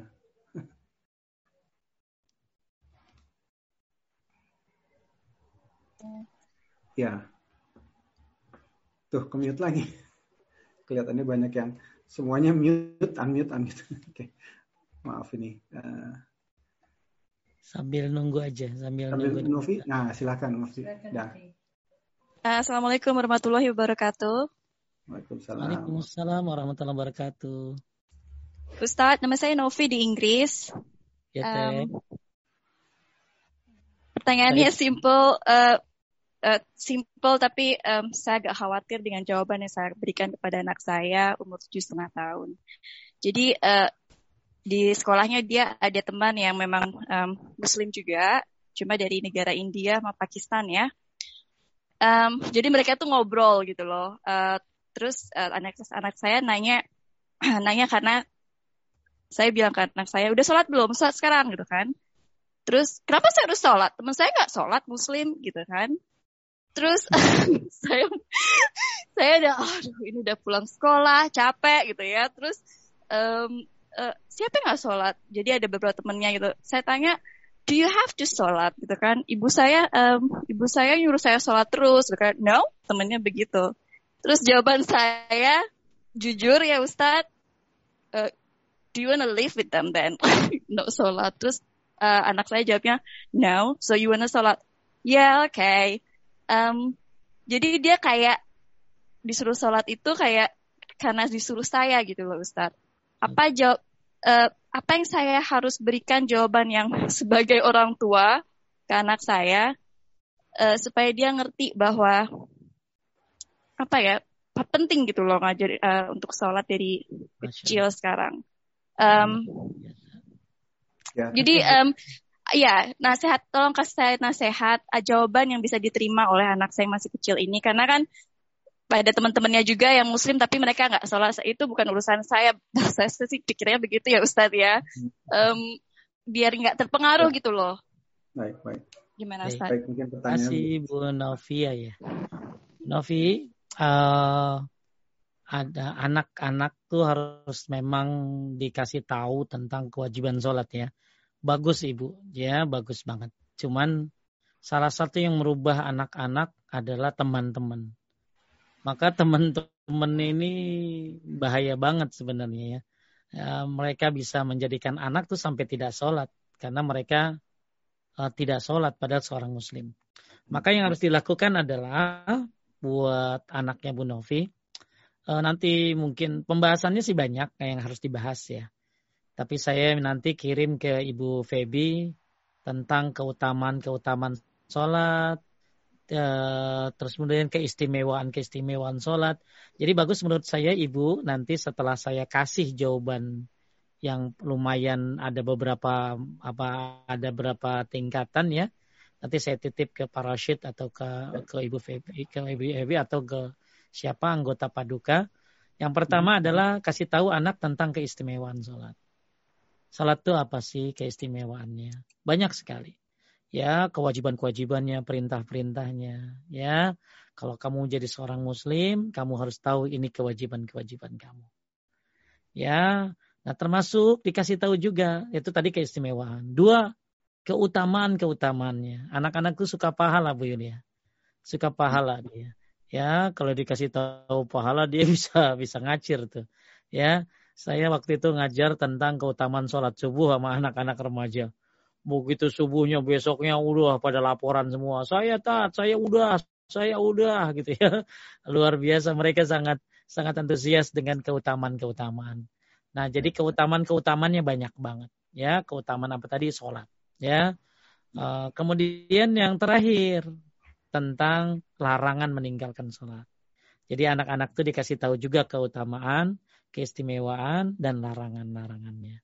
Nah, sekaligus dikasih tahu juga kepada teman-temannya kalau memang dia ini ajak aja ke rumah ya, ajak aja ke rumah untuk ya berdialog ya sambil kasih tahu kewajiban-kewajiban ya. Karena ini ketakutnya kalau teman dekat ini suka mempengaruhi. Yang saya takutkan tuh dia taat di rumah tapi tidak taat di sekolah. Jadi di sekolah bisa saja mungkin dia meninggalkan sholat, tapi di rumah dia sholat. Kenapa? Karena dia punya teman-teman. Kalau di rumah dia ada ibu yang mengawasinya, tapi kalau di sekolah dia ada teman-teman yang mengajak dia untuk tidak sholat. Maka kalau misalnya ajaklah makan di rumah ya, ajak makan di rumah mungkin ya, uh, atau kalau lagi covid begini susah mungkin ya, atau mungkin uh, dengan cara dikuatkan aja anaknya dulu. Jadi nanti saya kirimin ke Pak Rashid atau ke Pak Bu Febi tentang keistimewaan sholat. Terus kedua, keutamaan sholat. Yang ketiga, larangan meninggalkan sholat. Nah, ibu dialog sama anak tuh dibacain. suruh dia baca.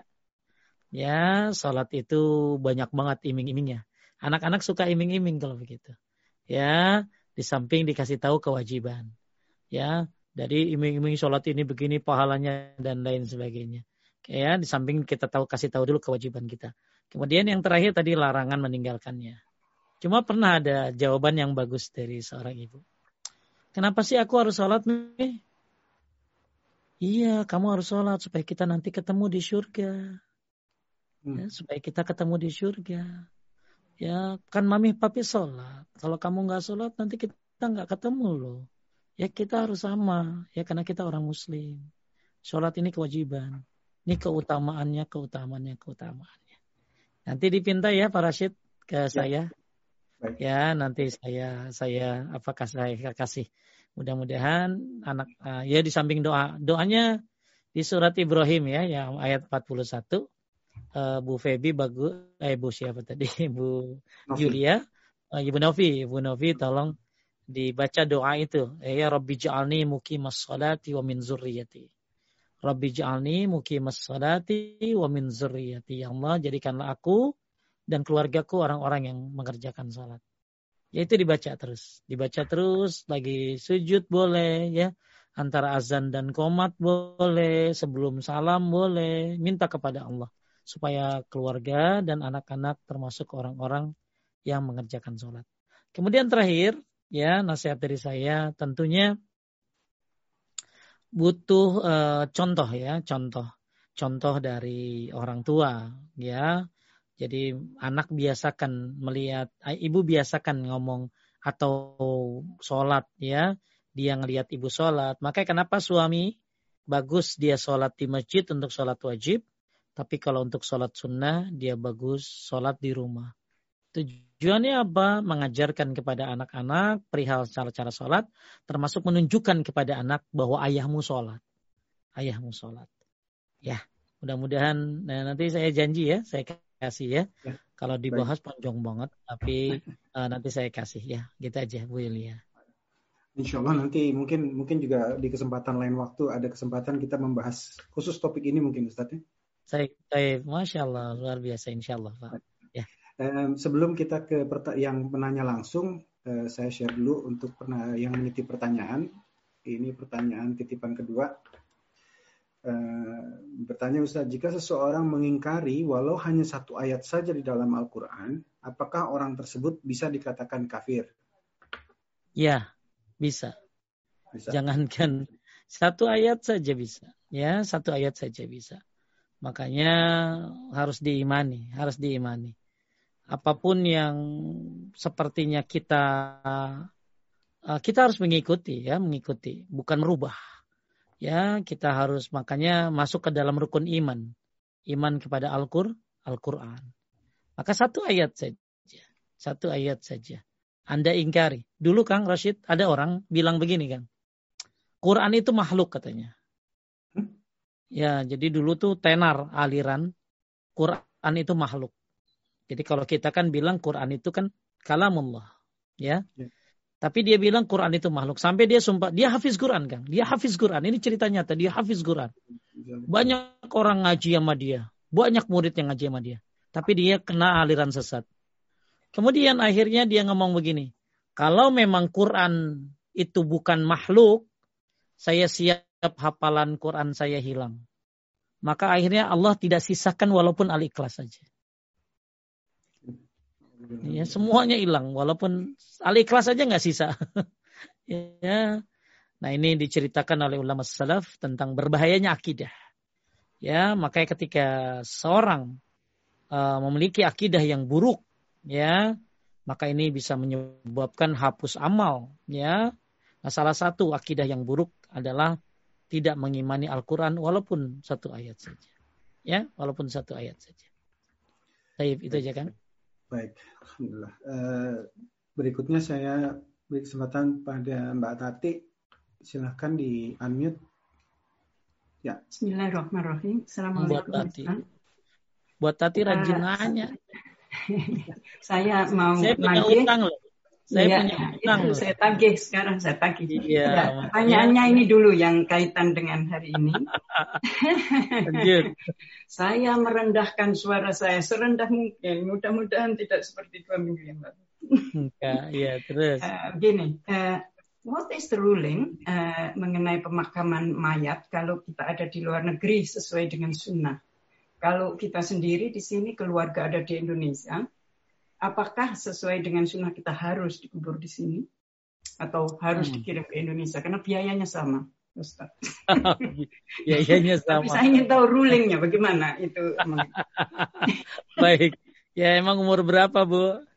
Oh, saya sudah tua, saya 70. Oh, tua. sudah, siap-siap. Iya.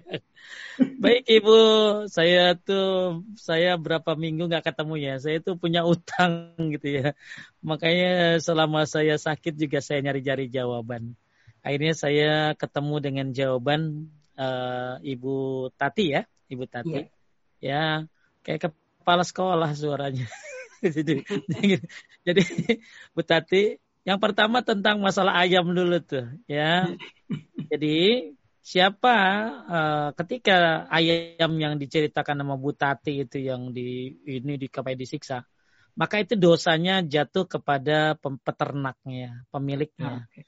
Ya, tapi transaksinya tetap halal, tetap ah. halal, ya, tetap halal Bu Tati beli ayamnya, menjualnya itu tidak tidak menggugurkan transaksinya.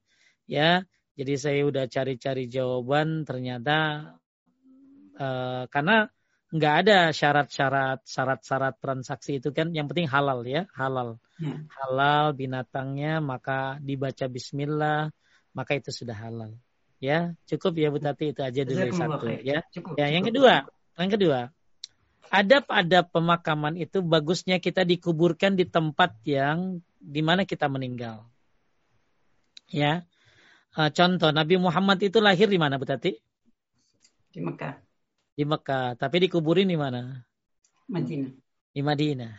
Ya. Jadi banyak orang minta dikuburinnya di tempat asal ari-arinya dikubur katanya.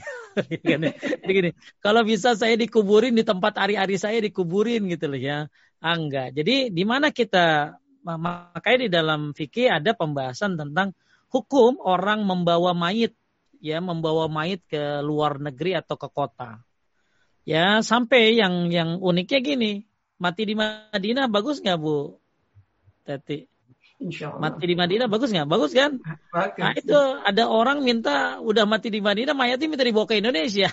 gitu Nah jadi uh, kembali lagi kepada pertanyaannya, kalau kita meninggal, di mana pun kita meninggal, maka kita dikuburkan di tempat yang terdekat. Ya, tempat yang terdekat dengan dengan dengan kita, ya, kita meninggal, ya. Maka itu lebih apalagi ada orang muslim di sana, ya, ada orang muslim di sana. Jadi kenapa? Karena kalau dibawa mayit itu harus dipercepat Bu Tati. Bukan masalah biayanya ya. Kalau biayanya mungkin sama, tapi masalahnya waktunya sampai ada ada ada ada mayit ya Bu, itu sampai ditaruh es di bawahnya. Sampai ditaruh es. Kemudian dia dikirim ke luar daerah loh, bukan ke luar negeri ya. Keluar daerah sampai dia berair Bu. Berair mayitnya itu. Ya, keluar cairan-cairan. Nah ini nggak bagus. Mayit itu bagus dipercepat. Karena kalau orang soleh, mayit dipercepat dan dia orang soleh, maka dia akan berkata, percepat aku, percepat aku. Itu kalau mayit orang soleh, Bu. Kenapa? Karena begitu Bu Tati meninggal dan Bu Tati orang soleha, maka Bu Tati akan cepat menerima balasan dari Allah Subhanahu wa taala dan balasan nikmat di alam kubur itu luar biasa. Ya, maka Bu Tati berkata, "Percepat aku, percepat aku." Tapi kalau orang jahat, orang jahat, orang zolim, maka dia akan ber mau dibawa ke mana aku, mau dibawa ke mana aku. Ya, makanya kenapa di, di, di, di, dibaguskan dipercepat, ya, dipercepat dalam masalah penguburan. Kenapa? Ya, karena mayit biar segera mendapatkan balasannya. Nah, kalau dia orang jahat, melepaskan tanggungan kita. Karena itu kan fardu kifayah. Yang kalau nggak ada yang ngerjain dosa semuanya. Maka kalau dia mayitnya ini orang jahat, nah berarti cepat lepaskan tanggung jawab kita Kan ini fardu kifayah. Ya, yang terpenting lagi bukan masalah mati di mana. Karena bumi tidak bisa mensucikan seseorang. Yang bisa mensucikan seseorang adalah amal ibadahnya. Ya, jadi ada orang mau mati di mana dia? Ya, mau mati di Mekah, di Madinah. Bumi tidak akan mensucikannya.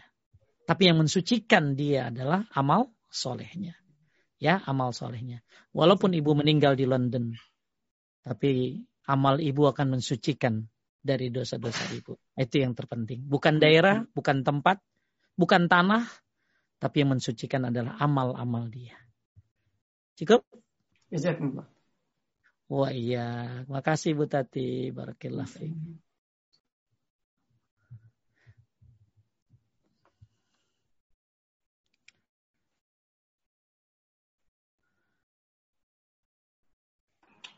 Pak, apa beda syirik kecil dan syirik besar? Bisakah Ustadz contohkan masing-masing syirik tersebut? Kemudian apakah dosa keduanya sama-sama kekal di neraka? Baik, bedanya syirik kecil dan syirik besar. Boleh tulisannya diitin lagi kan? Iya, maaf. Syirik kecil itu, nah kalau syirik besar itu menghapuskan seluruh amal. Ya, kalau syirik kecil tidak menghapuskan seluruh amal yang dia syirikin. Eh, jadi syirik besar itu menghapuskan seluruh amal. Tapi kalau syirik kecil tidak menghapuskan seluruh amal. Yang kedua, syirik kecil menyebabkan dia ya menyebabkan dia keluar dari Islam. Syirik besar. Tuh. Kalau syirik besar menyebabkan keluar dari Islam. Kalau syirik kecil tidak. Kalau syirik kecil tidak. Yang ketiga, syirik besar menyebabkan dia abadi di neraka. Kekal di neraka. Kalau syirik kecil tidak. Jadi inilah beda syirik besar dengan syirik kecil. Saya ambil dari kitabnya Ustadz Yazid bin Abdul Qadir Jawas. Saya ulangi, syirik besar menghapuskan seluruh amal, syirik kecil tidak. Syirik besar bisa menyebabkan dia keluar dari Islam, syirik kecil tidak. Syirik besar bisa menyebabkan dia abadi di neraka, syirik kecil tidak. Apa contoh syirik besar? Syirik besar itu Contoh syirik besar ya, ada menyembah selain Allah. Ya, minta kepada selain Allah. Ya, jadi misalnya ada orang menyembah selain Allah itu syirik besar. Ya, menyembah ya kuburan itu syirik besar. Ya, berdoa kepada selain Allah ah, itu syirik besar. Banyak contoh-contohnya yang nanti akan banyak kita bahas di pembahasan ini. Kemudian syirik kecil contohnya yang gampang apa? Ria. Bu, ria itu apa sih? Pengen dilihat orang itu syirik kecil. Ya, misalnya sholat dibagus-bagusin karena ada mertua, gitu ya. Uh, jadi beramal disebut-sebut, gitu ya. Uh, begitu mau umroh OTW Mekah, ciela ya. OTW, OTW, gitu ya. Jadi pengen dilihat orang ibadahnya. Ibadahnya pengen dilihat orang. Maka itu syirik kecil. Dan uh, sedekah misalnya pengen dipuji orang. ya sedekah tapi pengen pamer-pamer. Nah itu amalnya sedekahnya hilang, yang hilang yang dia lakukan hari itu yang kemarin-kemarin yang ikhlas diterima. Misalnya hari hmm. Senin dia sedekah ikhlas, hari Selasa ikhlas, pas hari Rebo dia pengen dipandang sama orang, pengen dipuji, maka yang hari Rebo hilang. Itulah syirik kecil.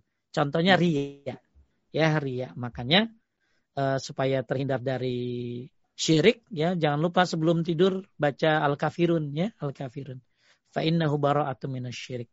Baca ayat kursi, kulhu falak annas, tiup ke tangan, usap usap badan. Lalu setelah itu baca al-kafirun. Ya, ada doa-doa yang lain, tapi cukup. Salah satunya Allah ini a'udzubika an usyrika bika wa ana alam astaghfiruka la alam. Uh, itu untuk ngilangin dosa syirik kecil ya. Ya, kalau syirik besar gimana Pak Ustaz? Syirik besar harus uh, siapa yang pernah melakukan syirik harus bertobat kepada Allah Subhanahu wa taala ya um, dia meninggalkan kesyirikannya, menyesali perbuatannya dan belajarlah tauhid. Belajarlah tauhid. Ya, tapi jangan putus asa. Ya Allah bisa mengampuni seluruh dosa asal dia mau bertobat. Lanjut. Baik, eh, selanjutnya kita penanya langsung Dita dari Los Angeles. Silahkan di unmute. Oh, Oke, okay. saya sudah unmute. Ya. Jazakallahu khairan, uh, Brother Rasid. Assalamualaikum ya. warahmatullahi wabarakatuh. Semoga Pak Ustadz dan keluarga dan pemirsa selalu dalam lindungan Allah Subhanahu wa taala. Amin. Uh, pertanyaannya ini Pak Ustadz, yang hadis tentang barang siapa yang meninggal dan mengucapkan la ilaha illallah di akhir hayatnya, dia dijamin surga. Uh, masalahnya uh, seseorang ini uh, sering banget kedukun zaman dulunya.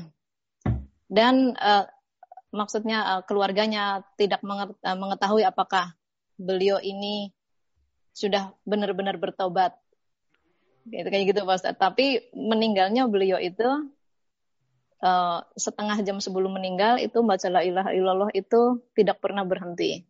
Masya Allah. Uh, mohon penjelasannya Pak Ustaz. Uh, maksudnya yes. pihak saudaranya sangat ketakutan apakah perbuatan kedukunnya itu bagaimana gitu Pak Ustaz. Ya. Terima kasih Pak Ustaz. Jazakallahu khairan. Wah, iya. Yang pertama, man qala la ilaha illallah, ya man mata. Uh, jadi ada sebuah riwayat menyebutkan barang siapa yang mati mengatakan la ilaha illallah, ya maka dia masuk surga, ya. Ada juga riwayat dari Utsman bin Affan radhiyallahu an, ya. Uh, intinya ada dua pendapat ulama, ya, tentang masalah mengucapkan la ilaha illallah ini. Yang pertama, dia man akhiru kalamihi la ilaha illallah jannah. Siapa yang akhir katanya la ilaha illallah ini masuk surga. Maksudnya dia selalu dia menutup akhir-akhir katanya dengan la ilaha illallah. La ya, jadi misalnya mau makanya misalnya dia uh, apa uh, lagi sakit begitu mau tidur la ilaha illallah. Jadi seluruh kata-katanya ditutup dengan la ilaha illallah ya. Seluruh kata-katanya. Jadi Misalnya dia lagi sakit terus ngobrol terus begitu mau tidur ya la ilaha illallah la ilallah. Itu yang pertama. Yang kedua ya maksudnya adalah di akhir hayatnya, di akhir hayatnya. Di akhir hayatnya dia selalu mengatakan la ilah dan dia mengucapkan la ilaha illallah. Ya, dia la ilaha illallah. Kemudian uh, yang ketiga, yang ketiga ya Apakah cukup seseorang mengatakan la ilaha illallah? Nah, ini yang bagus hmm. dibahas itu. Ya. Karena ketika seseorang mengucapkan la ilaha illallah ya, tapi dia tidak memiliki tujuh syarat, maka tidak manfaat la ilaha illallahnya. Ya, saya ulangi. Ya, saya bacakan salah satu kitab yang yang bagus kita miliki. Jadi barang siapa yang ketika sebentar ya, saya lihat biar nggak salah.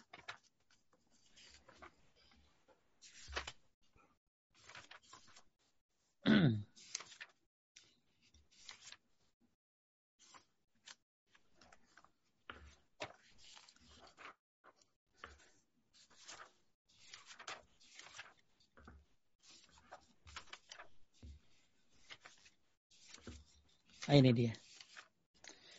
Saya bacakan. Ibu siapa tadi yang nanya? Dita. Dita.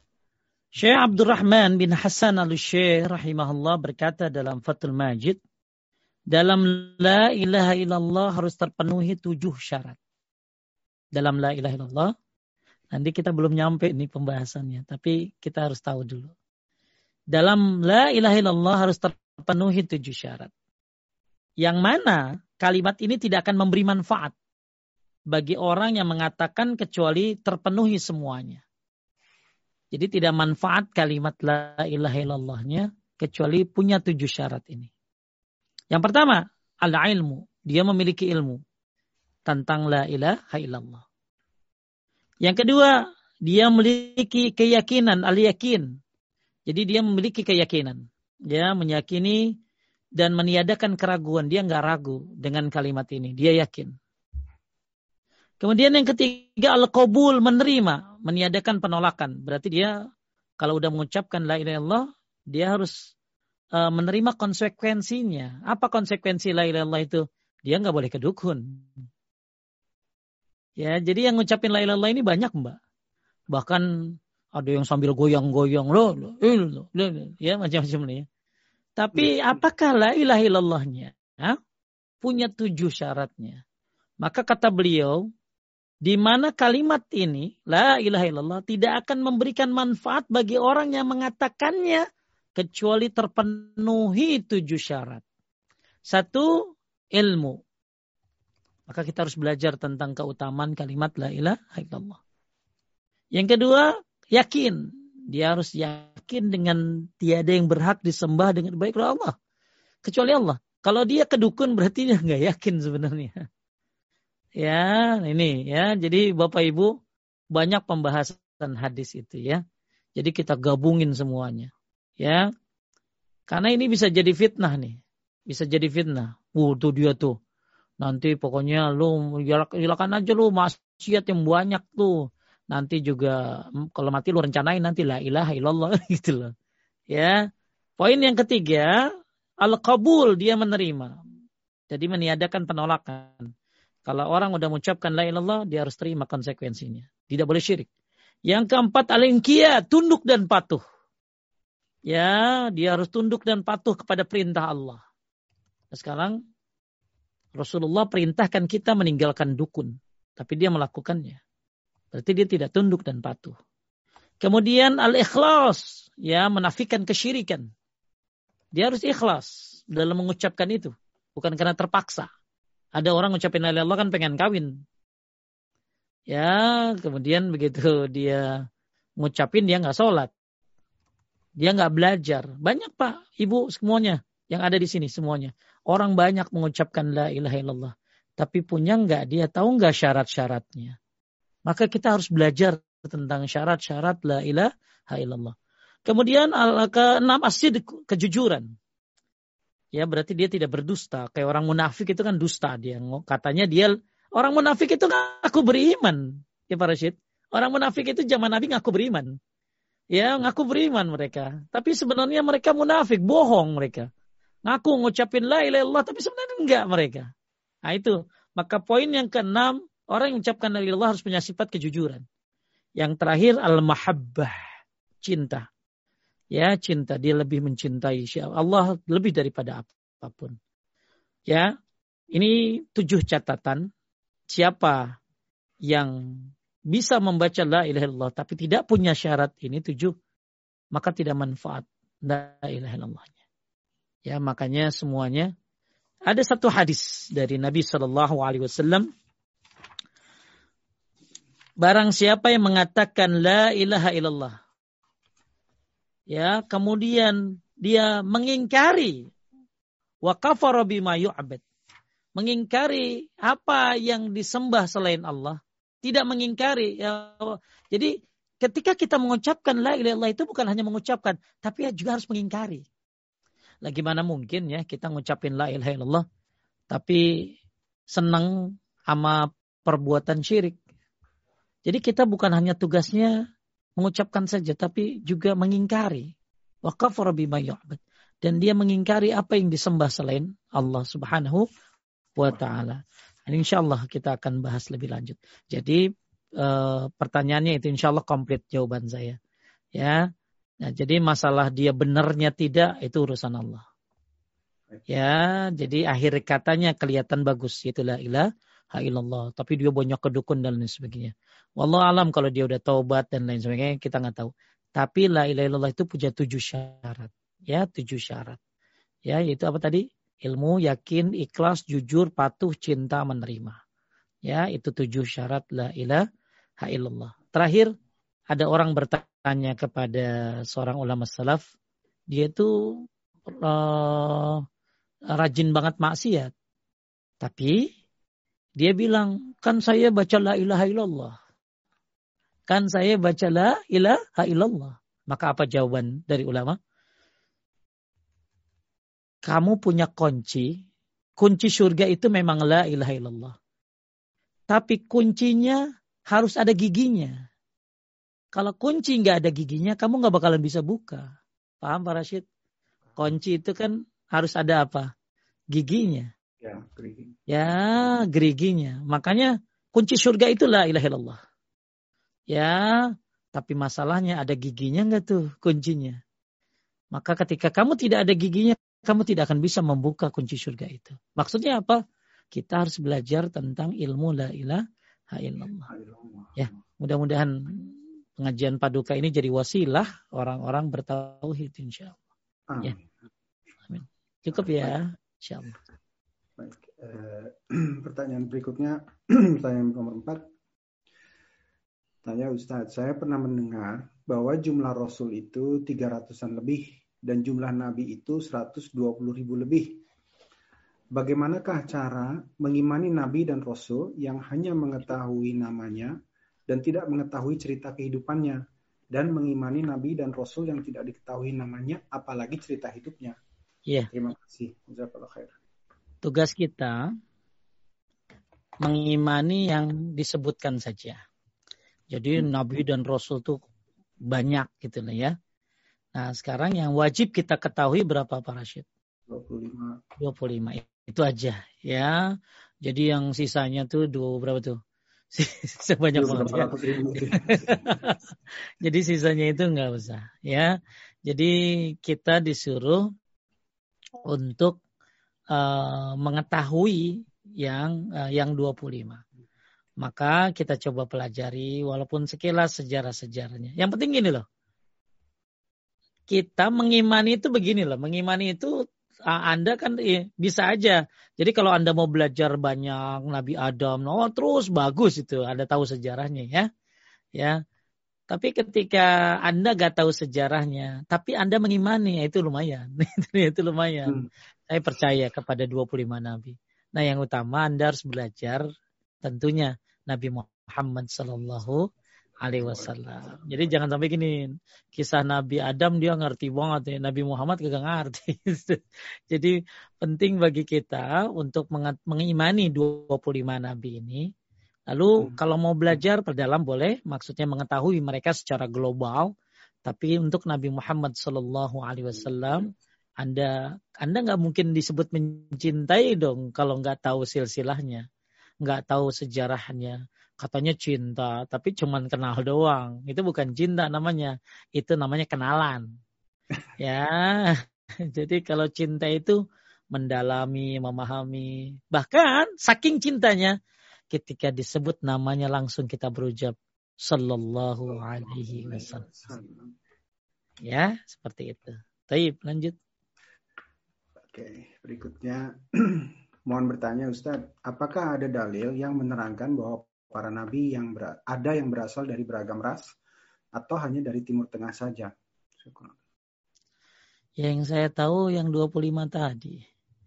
Kalau dari berbagai ras mungkin saja ada. Jadi tadi tidak tidak ada penjelasan ya tentang nabi-nabi. Ada eh, nabi-nabi ini bisa saja dari berbagai kayak Lukman. Akang ada tahu Lukman ya?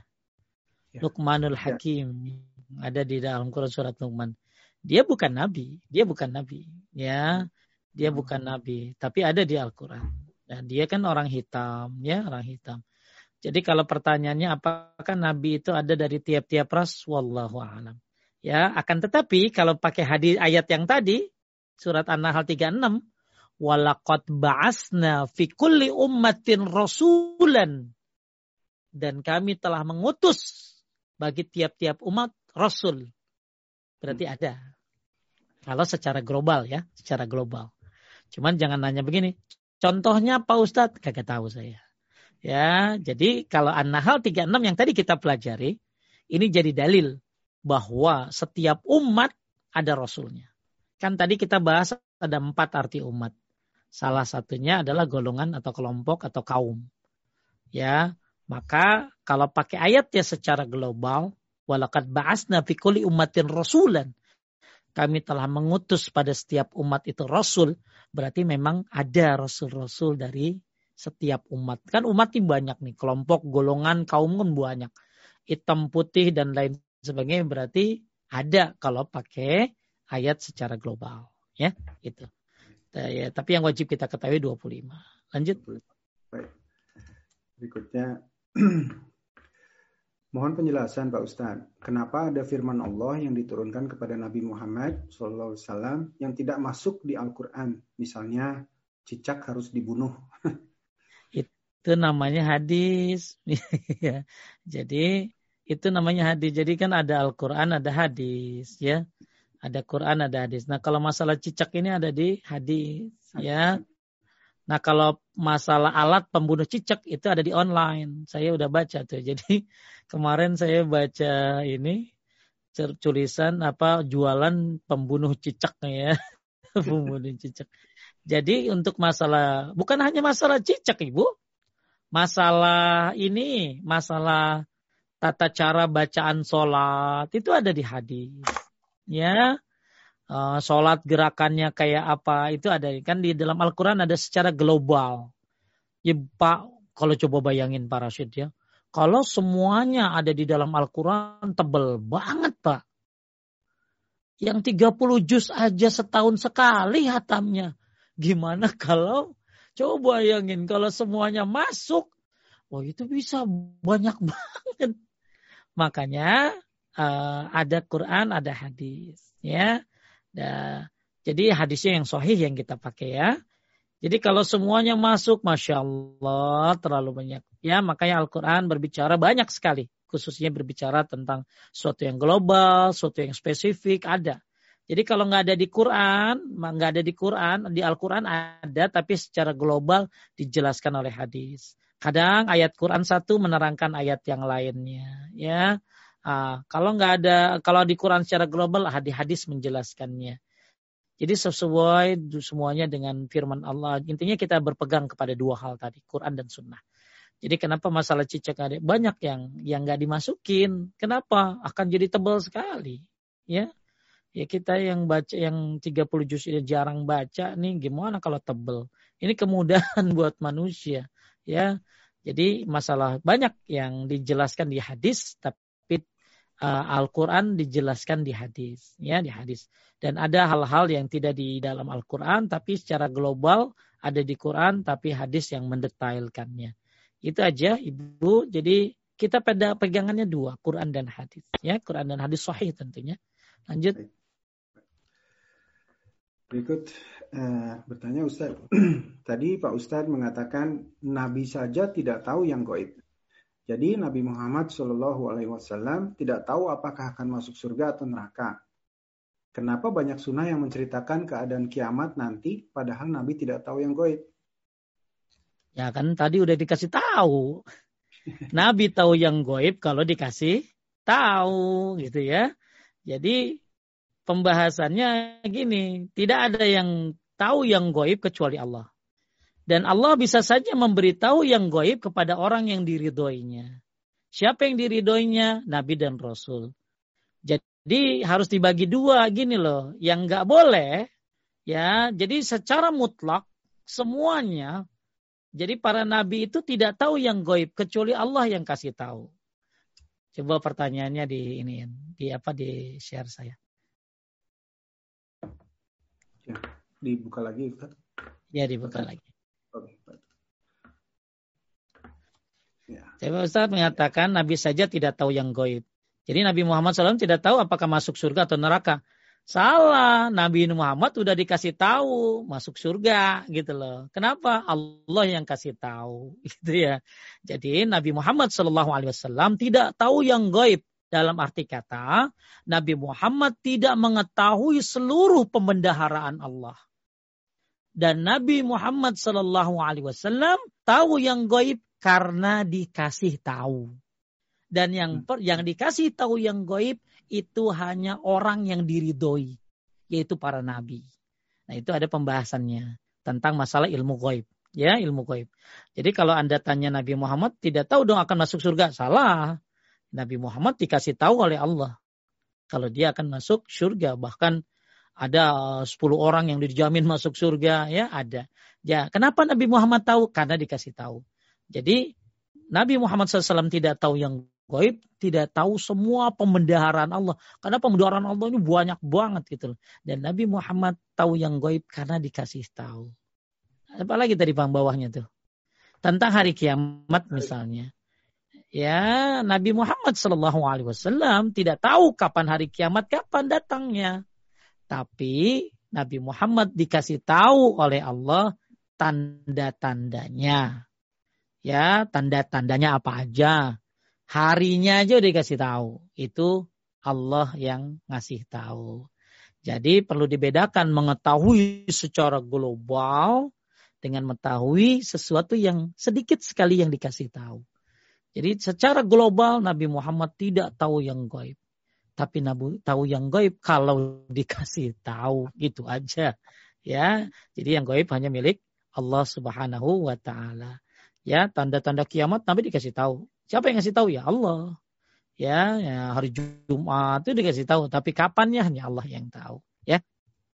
Jadi mungkin tadi nggak selesai bacanya, ya. Ada ayat uh, apa? Ada ada beberapa ayat tentang yang goib itu, ya. Lanjut.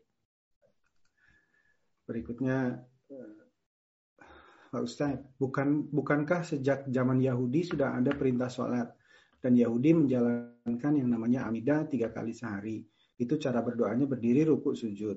Jadi perintah sholat bukannya tiba hanya ketika Nabi Muhammad SAW saja. Iya, memang sholat itu udah ada buat semua nabi. Ya, bukan hanya Yahudi, semua nabi ada sholatnya. Ya, semua nabi ada sholatnya. Cuman untuk umat Nabi Muhammad. Bahkan disebutkan waktu Isra Mi'raj berapa Pak Rashid? Berapa sholat? 50 ya? 50 ya? Ya, tuh Nabi Musa tuh ngasih tahu kan ya Nabi Musa ngasih tahu ya bahwa umatmu nggak bakalan sanggup gitu loh. Makanya jadi lima. Jadi perintah sholat itu bukan hanya buat Nabi Muhammad saja, buat seluruh Nabi. Ya dan umatnya dikasih sholat. Nah cuman untuk umat Nabi Muhammad ada spesial, dikasihnya lima. Ya setahu saya katanya umat dulu tuh sholatnya dua rakaat dua rakaat. Kalau umat Nabi Muhammad dikasih ada tiga, ada empat ya. Nah yang terpenting jangan sampai kita sibuk sama sholatnya orang Yahudi. Sampai kita lupa sibuk bagaimana cara Nabi Muhammad sholat. Ya, Nabi bilang sallu kama usalli. Jadi pertanyaannya semua nabi ada perintah sholat. Ya, bahkan tadi Nabi Musa di kuburannya ngapain? Sholat. Ah, salat kan ya, Nabi Musa di kuburannya sholat ya. Nah, waktu Nabi Isra Mi'raj melihat Nabi Musa sholat. Ya. Itu Bu. Lanjut. Berikutnya kalau setan uh, bertanya Ustaz, kalau setan sudah diusir Allah dari surga karena tidak mau bersujud pada Adam, kenapa setan bisa menggoda Adam dan Hawa di surga? Padahal waktu setan diusir, Adam alaihissalam baru diciptakan, belum ada Hawa. Jadi dalam tafsir disebutkan bahwa setan nyaru jadi ular. Hmm. Ya, jadi setan menyaru katanya. Yang saya ingat ya menyaru jadi ular. Ya, jadi ular untuk menggoda siapa tadi? Nabi Adam alaihissalam. Jadi setan sudah diusir. Ya, jadi setan eh, setan itu diusir, kemudian dia menyaru, ya maka nyaru untuk meng, uh, untuk menjadikan setan nggak mau sujud sama Adam, ya. Uh, Makanya ada yang aliran sesat bilang begini Rashid, setan itu masuk surga loh. Kenapa? Tauhidnya bagus. Dia nggak mau sujud sama manusia gitu. Padahal uh, yang nyuruh setan sujud kepada Adam kan Allah ya, Allah langsung. Ya, Allah langsung. Jadi itu ada aliran itu, aliran apa namanya? Aliran liberal bilang begitu.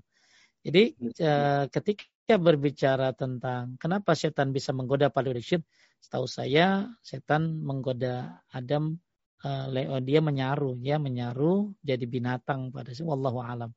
Ya uh, atau dia menggoda dari dari jadi dia tidak bisa menggoda secara fisik ya, secara fisik.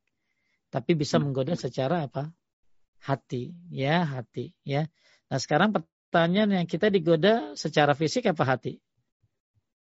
Para Ya, ya, ya, secara tidak keli, kelihatan ya tidak kelihatan. Wallahu alam ya. Saya mohon maaf kalau ada kekurangan boleh ditanya sama ustadz yang lain ya. Allah lanjut. Nomor 10 ini. Bismillah Ustadz. Saat masih kecil kalau kita lewat pohon besar atau jalanan yang angker orang tua suruh ucap suruh orang-orang tua suruh ucapkan numpang ya jangan ganggu atau kalau anak laki-laki buang air kecil selain di toilet maka disuruh bilang numpang ya Apakah itu termasuk syirik? Ya, ini termasuk satu perbuatan yang perbuatan ini mengagungkan mereka. Jadi ini masuk pada kadang ini dalam Islam itu ada khauf ya, ada khauf, rasa takut. Rasa takut yang harus itu sama Allah. Itu harus takut sama Allah. Yang kedua ada takut yang wajar, takut sama binatang, takut sama virus corona itu wajar, ya wajar. Yang terakhir takut yang tidak wajar, itu takut kepada setan. Ya, itu dimasukkan kepada kategori saya uh, dia melakukan amal yang tidak wajar. Tapi kalau misalnya, nah kalau dia bisa nyampe begini loh, sampai numpang-numpang, numpang lewat ya, ya, terus akhirnya dia sampai meyakini kalau dialah penguasa, ya Nyeroro Kidul ini penguasa, Nyeroro Kidul ini pemilik kelautan, ah ini jadi syirik namanya, jadi syirik namanya. Sampai ada suatu cerita orang kalau lewat jembatan Cipularang kudu pelakson katanya. Ya, hmm. ini kan memberikan sebuah kita ini makhluk yang masya Allah ya Allah ciptakan ini penuh dengan akal ya dan punya akal ya makhluk di atas makhluk-makhluk yang lain ya jadi masya Allah kalau anda baca cerita tentang jin dan manusia manusia ini di atasnya gitu loh ya di atasnya kecerdasannya dan lain sebagainya tapi kenapa harus takut dengan hal-hal seperti itu. Maka itu takut yang tidak wajar. Ya, takut yang tidak wajar. Lebih parah lagi ketika takut yang tidak wajar itu diyakin, meyakinkan dia bahwa ini penunggu, ini pemilik, ini pengatur. Ya, kalau misalnya lewat sini nggak nggak baca itu jadi bisa celaka. Ah, ini namanya tatayur, itu namanya syirik juga para syed. Hmm. Ya, syirik juga. Kenapa? Karena menganggap itu bisa bawa sial. Contoh syirik zaman now. Nih, kirimkan WA ini kepada 10 orang. Siapa yang tidak mengirimkan maka dia akan celaka. itu, mama pada takut itu.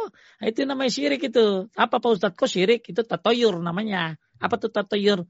Menganggap sesuatu itu bawa sial. Berarti siapa yang ngirim WA itu bakalan bawa sial. Itu syirik namanya. Jadi ketika hmm. Anda berkeyakinan lewat depan pohon, kalau nggak lewat situ nggak permisi, uh, maka bisa celaka. Ah, itu namanya tatayur, itu syirik juga. Hmm. Ya, syirik. Karena menganggap bisa bawa sial. Lanjut. Nah ini, uh, Bismillah, Afwan Ustaz. Apa keistimewaan ayam jago yang selalu berkokok menjelang sholat subuh? Jazakallah khair. Ya, intinya kita kalau mendengar uh, anjing melolong, kita disuruh minta perlindungan kepada Allah. Ya, auzubillahi minasyaitonir karena dia melihat sesuatu yang kita tidak. Tapi kalau ayam yang berkokok di waktu itu, ya maka dia melihat malaikat. Ya, melihat malaikat. Makanya eh, apa ada setahu saya itu ya, dia melihat malah malaikat. Ya. Jadi ketika ada anjing yang melolong, keledai yang meringkik di malam hari, maka kita minta perlindungan kepada Allah. Tapi ketika ayam, ya bukan ayam jago ya, sebenarnya ayam apa aja sih. Ya, yang penting bukan ayam kampung. Eh ya, jadi penting ayam. Jadi kalau ayam berkokok ya, berkokok di waktu fajar ya, atau di waktu-waktu sekitar jam 3 ya, Allah alam mungkin dia melihat apa yang kita tidak lihat. Tapi setahu saya ya itu dia melihat malaikat gitu ya. Wallahu alam ya. Eh, tentang masalah ayam jago ini ya. Lanjut. Ya, ini Ustaz bagaimana menjaga keimanan? Oh, ini keim ini sering ditanyakan ini Ustaz mungkin. Ustaz bagaimana menjaga keimanan yang kadang naik turun agar kita tetap istiqomah dalam iman dan Islam? Uh, apa tadi pertanyaannya bagaimana? Kita uh, keimanan yang kadang naik atau turun agar kita dapat tetap istiqomah dalam iman dan Islam. Masya Allah luar biasa. Ya, jadi Bapak Ibu sekalian memuliakan Allah.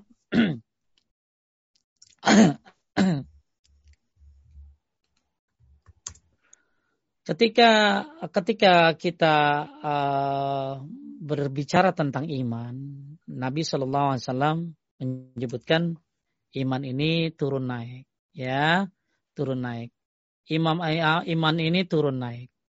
Maka iman ini bertambah dengan ketaatan dan berkurang dengan kemaksiatan.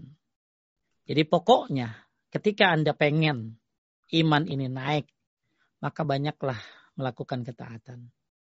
Tapi ketika Anda banyak melakukan kemaksiatan, maka itu tanda iman Anda akan menyebabkan iman Anda akan berkurang. Malah kata Syekh bin Salih al-Utsaimin menyebutkan ketika seseorang uh, tidak tidak khusyuk dalam sholatnya, ah, ini bertanda keimanannya sedang kurang.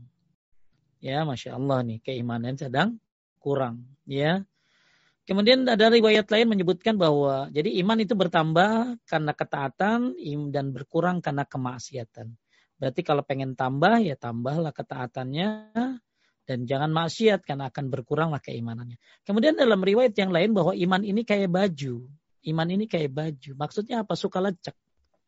Maka berdoalah kepada Allah supaya memperbaharui imannya. Makanya ada ada doa Allah majaddidil iman fi qalbi. ya Allah, perbaikilah iman di dalam hatiku. Ya, saya ulangi, Allahumma jaddidil iman fi qalbi. Allahumma jaddidil iman fi qalbi. Ya. Bisa hafal? Ya, Allahumma jaddidil iman fi qalbi. Uh, ada ada lagi Pak Arsid? Jadi kalau pengen bertambah iman, tambah ketaatannya dan kurangi kemaksiatan. Kemudian berdoa kepada Allah, Allah majidil jaddidil iman fi qalbi. Allah maj'alni Allah maj'al Allah majaddidil iman. Ya Allah perbaharuilah imanku. Perbaharuilah imanku yang ada di dalam hati ini. Ya. Terus kemudian banyak sih ya cara-cara yang lain. Salah satunya supaya iman bertambah ini ya bacalah uh, apa uh, bacalah kisah-kisah orang soleh bagaimana keimanan mereka, keimanan yang luar biasa. Kemudian berteman dengan orang-orang soleh juga. Ya, Anda punya teman siapa, maka makin berteman dengan orang soleh akan bertambah keimanan Anda. Dan ketika Anda banyak berteman dengan orang yang banyak dosanya, kemaksiatan, maka ini akan menyebabkan kurangnya iman juga. Kemudian salah satu penambah-penambah iman yang bagus ini belajar tauhid. Ya, ini belajar tauhid ini insya Allah akan nambah iman. Kenapa? Karena Allah berfirman, "Alladzina amanu wa lam yalbisu imanahum bidzulmin, ulaika lahumul amnu wa hum muhtadun." Orang-orang yang beriman, beriman dan tidak mencampur adukan imannya dengan kezaliman atau syirik, maka dia akan mendapat keamanan dan akan dapat petunjuk. Jadi kalau Anda beriman, jangan campur iman Anda dengan kesyirikan. Maka Anda nggak bakalan dapat keamanan, Anda nggak bakalan dapat petunjuk. Tapi siapa yang beriman dan dia tidak campur imannya dengan kesyirikan, dia lepas dari syirik, murni iman, maka dia akan dapat keamanan dan akan dapat petunjuk. Ya, itu. Baik. Nah, ini ada satu uh, yang tadi yang ayam ya, ayam jantan itu ada pendapat dari Al Hafiz Ibnu Hajar menyebutkan uh, kurang lebih terjemahnya begini ayam jantan itu memiliki istimewaan yang tidak dimiliki oleh binatang yang lain. Itu mengetahui perubahan waktu di malam hari. Ya, dia berkokok di waktu yang tepat dan tidak pernah ketinggalan. Ya, dia berkokok sebelum subuh dan sesudah subuh hampir tidak pernah meleset. Baik malamnya panjang atau pendek karena itulah ya sebagian syafi'iyah memfatwakan untuk mengacu kepada ayam jantan yang terbukti dalam menentukan waktu. Jadi ini keutamaan apa tadi Pak Rashid? Keutamaan ayam ya, ayam jantan. Jantan. Ya ini dari kita Fatul Bari ya, dari kita Fatul Bari. Ya. Uh, jadi kenapa ayam jantan itu punya keistimewaan? Karena dia bisa dia mengetahui perubahan waktu. Ya, hmm. perubahan waktu. Maksudnya perubahan dari subuh dan nggak pernah meleset gitu ya nggak pernah meleset. Makanya ada ya di sebagian syafi'iyah mewatfakan kalau untuk uh, apa mengacu pada ayam jantan dalam menentukan waktu, waktu subuhnya. Kemudian ada lagi pendapat yang lain dalam kitab Fathul Bari bahwa ya uh, kita belajar bisa belajar dari ayam jantan di mahal. Ya, satu bangun di waktu sahur, Dua, punya sifat cemburu. Tiga, dermawan, suka berbagi. Ya. kemudian suaranya yang bagus, yang terakhir sering jima katanya. sering jima. Jadi kalau uh, Dawudi ya ya ta'allam minadik khamsa hisal ya. Kita belajar dari ayam jantan itu lima hal. Husnus saut yang pertama bagus suaranya. Wal qiyam fis kemudian bangun di waktu sahur ya. Kemudian kemudian dia punya sifat ya, ya, cemburu ya kemudian dia suka dermawan. Dermawan ini suka berbagi katanya. Saya nggak tahu ya ini dalam kitab Fathul Bari. Terakhir suka jima. Ya ini saya lebih nggak tahu lagi ya. Jadi memang ada keistimewaan ayam jago ya. Nah, ini dari kitab Fathul Bari ya. Wallahu alam ya. Pertanyaannya unik banget ayam jago ya, ya Wallahu alam. Lanjut Kang. Nah, nomor 13 ini tadi Ustadz bicara masalah kezaliman. Apakah apabila ada saudara yang ikut menumpang di rumah kita yang dalam jangka waktu yang lama, bertahun-tahun, tetapi tidak memelihara atau bersikap jorok atas kamar tidur, kamar mandi, dan sebagainya, dan membuat kita yang ditumpang, ditumpangi merasa marah dan kesal, apakah itu juga suatu kezaliman? Ya, kezoliman ini kan ada tiga ya. Zolim kepada Allah yaitu syirik. Zolim kepada diri sendiri, tidak jalanin syariat. Nggak puasa, nggak sholat. Zolim kepada orang lain, ya menyakiti. Jadi ketika ada orang numpang, ya numpang, ya numpang sebenarnya tiga hari pak, ya tiga hari numpang mah gitu ya, numpang tuh tiga hari bertamu ya. Kalau sampai bertahun-tahun itu namanya nginep kali ya, nggak tahu apa namanya itu nama ya. Jadi harusnya kita punya adab ya, punya adab. Kadang-kadang ada orang yang memang nggak punya adab.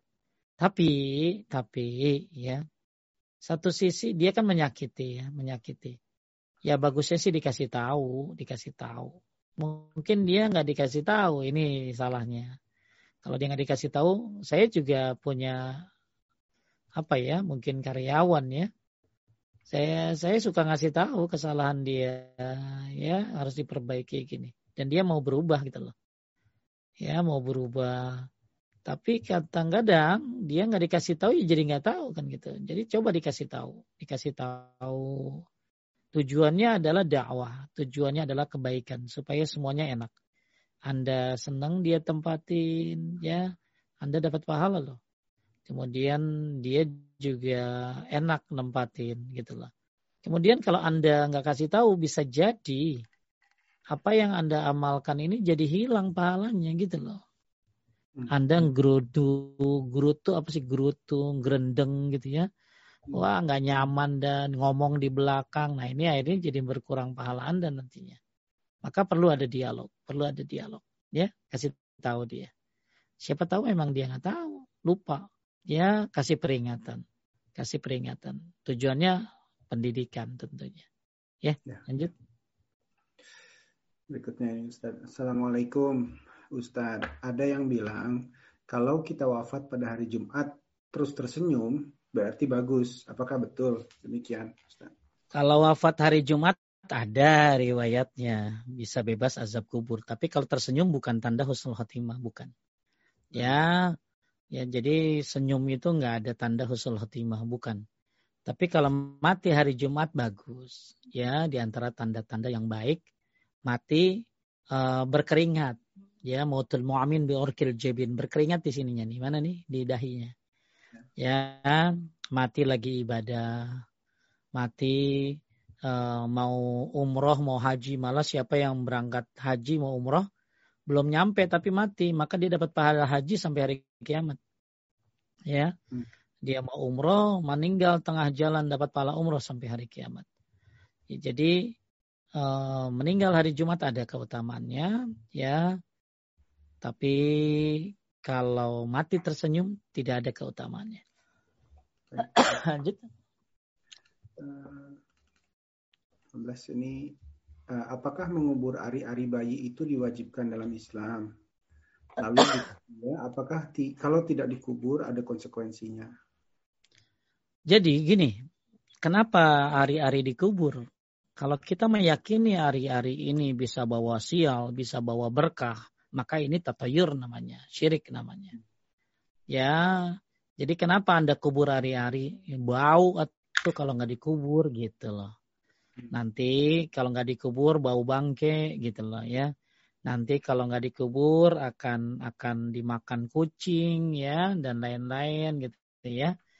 Jadi ketika Anda menguburnya sesuatu bukan karena keyakinan.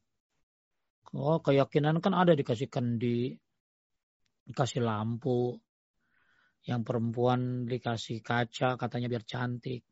Ya dikasih pensil biar rajin belajar. Ya ini bentuk-bentuk kesyirikan kayak gitu ya. Uh, jadi ketika apa yang harus dilakukan Pak Ustadz ketika bayi lahir ya satu sih bayar duit itu duit sesar gitu ya bayar duit rumah sakit ya nah, itu jangan sampai jadi utang ya Kemudian uh, akeka, ya itu yang bagus ya, akeka, potong rambut, cari ketujuh, ya kasih nama. Nah itu sunnah-sunnahnya. Tapi kalau nguburin, apa tadi nguburin, nguburin uh, namanya ari-ari, tidak ada sunnahnya. Cuma hmm. kalau dikubur, ya mungkin tujuannya supaya nggak bau gitu loh ya, nggak bau, supaya apa ya, pokoknya supaya nggak bau aja ya tapi kalau Anda nguburin ada keyakinan, nah ini nggak boleh. Nggak boleh. Hmm. Ya, nggak boleh. Tapi kalau hanya sekedar supaya nggak dimakan binatang, tidak bau, ini nggak apa-apa. Ya, nggak apa-apa. Yang penting nggak ada keyakinan. Ada keyakinan ini bawa sial, ini bawa ini, ini nggak boleh seperti itu. Ya, lanjut. Eh, Assalamualaikum Ustaz. Apakah benar jika kita membaca Quran yang di depannya diletakkan air, dengan harapan orang yang meminum air itu akan menjadi menjadi diberkahi, sehat, pintar dan lain-lain. Apakah hal ini dibenarkan sesuai tuntutan Islam atau cukup kita mendoakan tanpa media apa pun karena Allah Maha mendengar? Jazakallah khair. Ya, boleh saja ada media, tapi rukyah namanya gitu lah. Tapi rukyah namanya. Bisa pakai tiupan, jadi baca Al-Fatihah, ayat kursi, kulhu, falak, anas, ya baca itu ayat itu baru ditiup. Boleh tidak ditiup, boleh ditiup. Boleh juga ada punceratan sedikit. Ini punceratan sedikit ludahnya, itu boleh. Itu namanya rukyah. Ya, itu namanya rukyah. Kita akan ketemu nanti di bab rukyah, ya, di bab jimat. Di bab uh, insya Allah bab, bab, bab tiga ya, bab tiga. Bab tiga tentang masalah rukyah jadi cara-cara merukyah seperti itu. Pakai air boleh, dia nggak pakai juga nggak apa-apa, ditiupin langsung, ya nggak usah ditiup juga nggak apa-apa. Tapi ada pilihan, ada boleh tidak ditiup, boleh ditiup, boleh ditiup tapi keluar ludahnya sedikit boleh, ya boleh pakai air atau langsung, ya boleh. Itu namanya rukyah, itu namanya rukyah. Uh, tambahan lagi kalau anda mau mendoakan secara lebih banyak lagi ya uh, kalau tadi jadi kalau tadi mah proses rukyah ya itu proses rukyah ya tapi untuk doa-doa harian kan enggak dia nggak ada masalah nggak perlu dirukyah dan lain-lain maka anda ya doakan saja setiap sujud antara azan dan komat sebelum salam anta ketika turun hujan sepertiga malam ya itu waktu-waktu yang bagus untuk berdoa baik dia dalam keadaan sakit ataupun tidak ya ya minta kesembuhan, minta kebaikan di dalam doa-doa kita buat orang-orang yang kita cintai. Tapi kalau pakai sarana air tadi itu ya, ya itu ya. Lanjut. Terakhir yang sesuai dengan topik, bagaimanakah saya sebagai orang awam untuk memahami ayat-ayat Israeliat atau Mutasabiyah? Ya, ayat-ayat Israeliat ini ada hal ayat-ayat yang sahih uh, ada cerita-cerita yang sahih.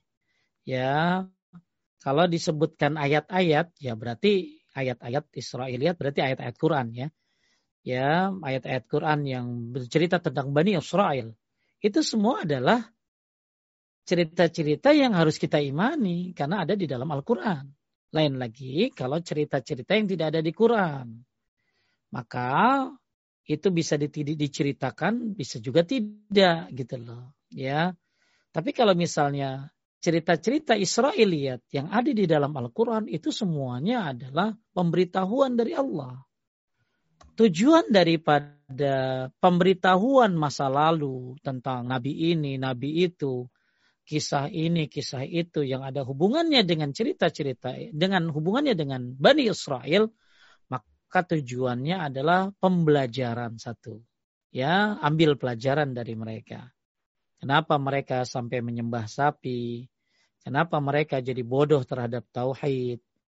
Kenapa mereka mengingkari nabi-nabinya, bahkan membunuh nabi-nabinya, bahkan mereka menganggap Allah itu uh, apa mereka uh, menganggap uh, apa tangan Allah terbelenggu ya uh, mereka menganggap mereka kaya ya uh, mereka menganggap banyaklah ya banyak banyak anggapan-anggapan yang keliru dari Bani Israel yang ada di dalam Al-Quran, maka itu jadi pembelajaran buat kita. Jangan sampai kita seperti mereka. Ya, Kemudian ada jadi hukum, ya, jadi hukum, ya, hukum-hukum yang berlaku pada saat itu. Contoh waktu zaman Nabi Musa itu kan taubat itu ya salah satunya bunuh diri gitu loh. Ya, maka itu buat hukum buat zaman mereka. Sholat bagi mereka banyak, sekian puluh, lima puluh, maka itu buat mereka. Jadi ada yang bisa kita jadikan sebuah pembelajaran ada yang bisa kita jadikan bahwa ini adalah syariat mereka yang tidak bisa kita jalankan.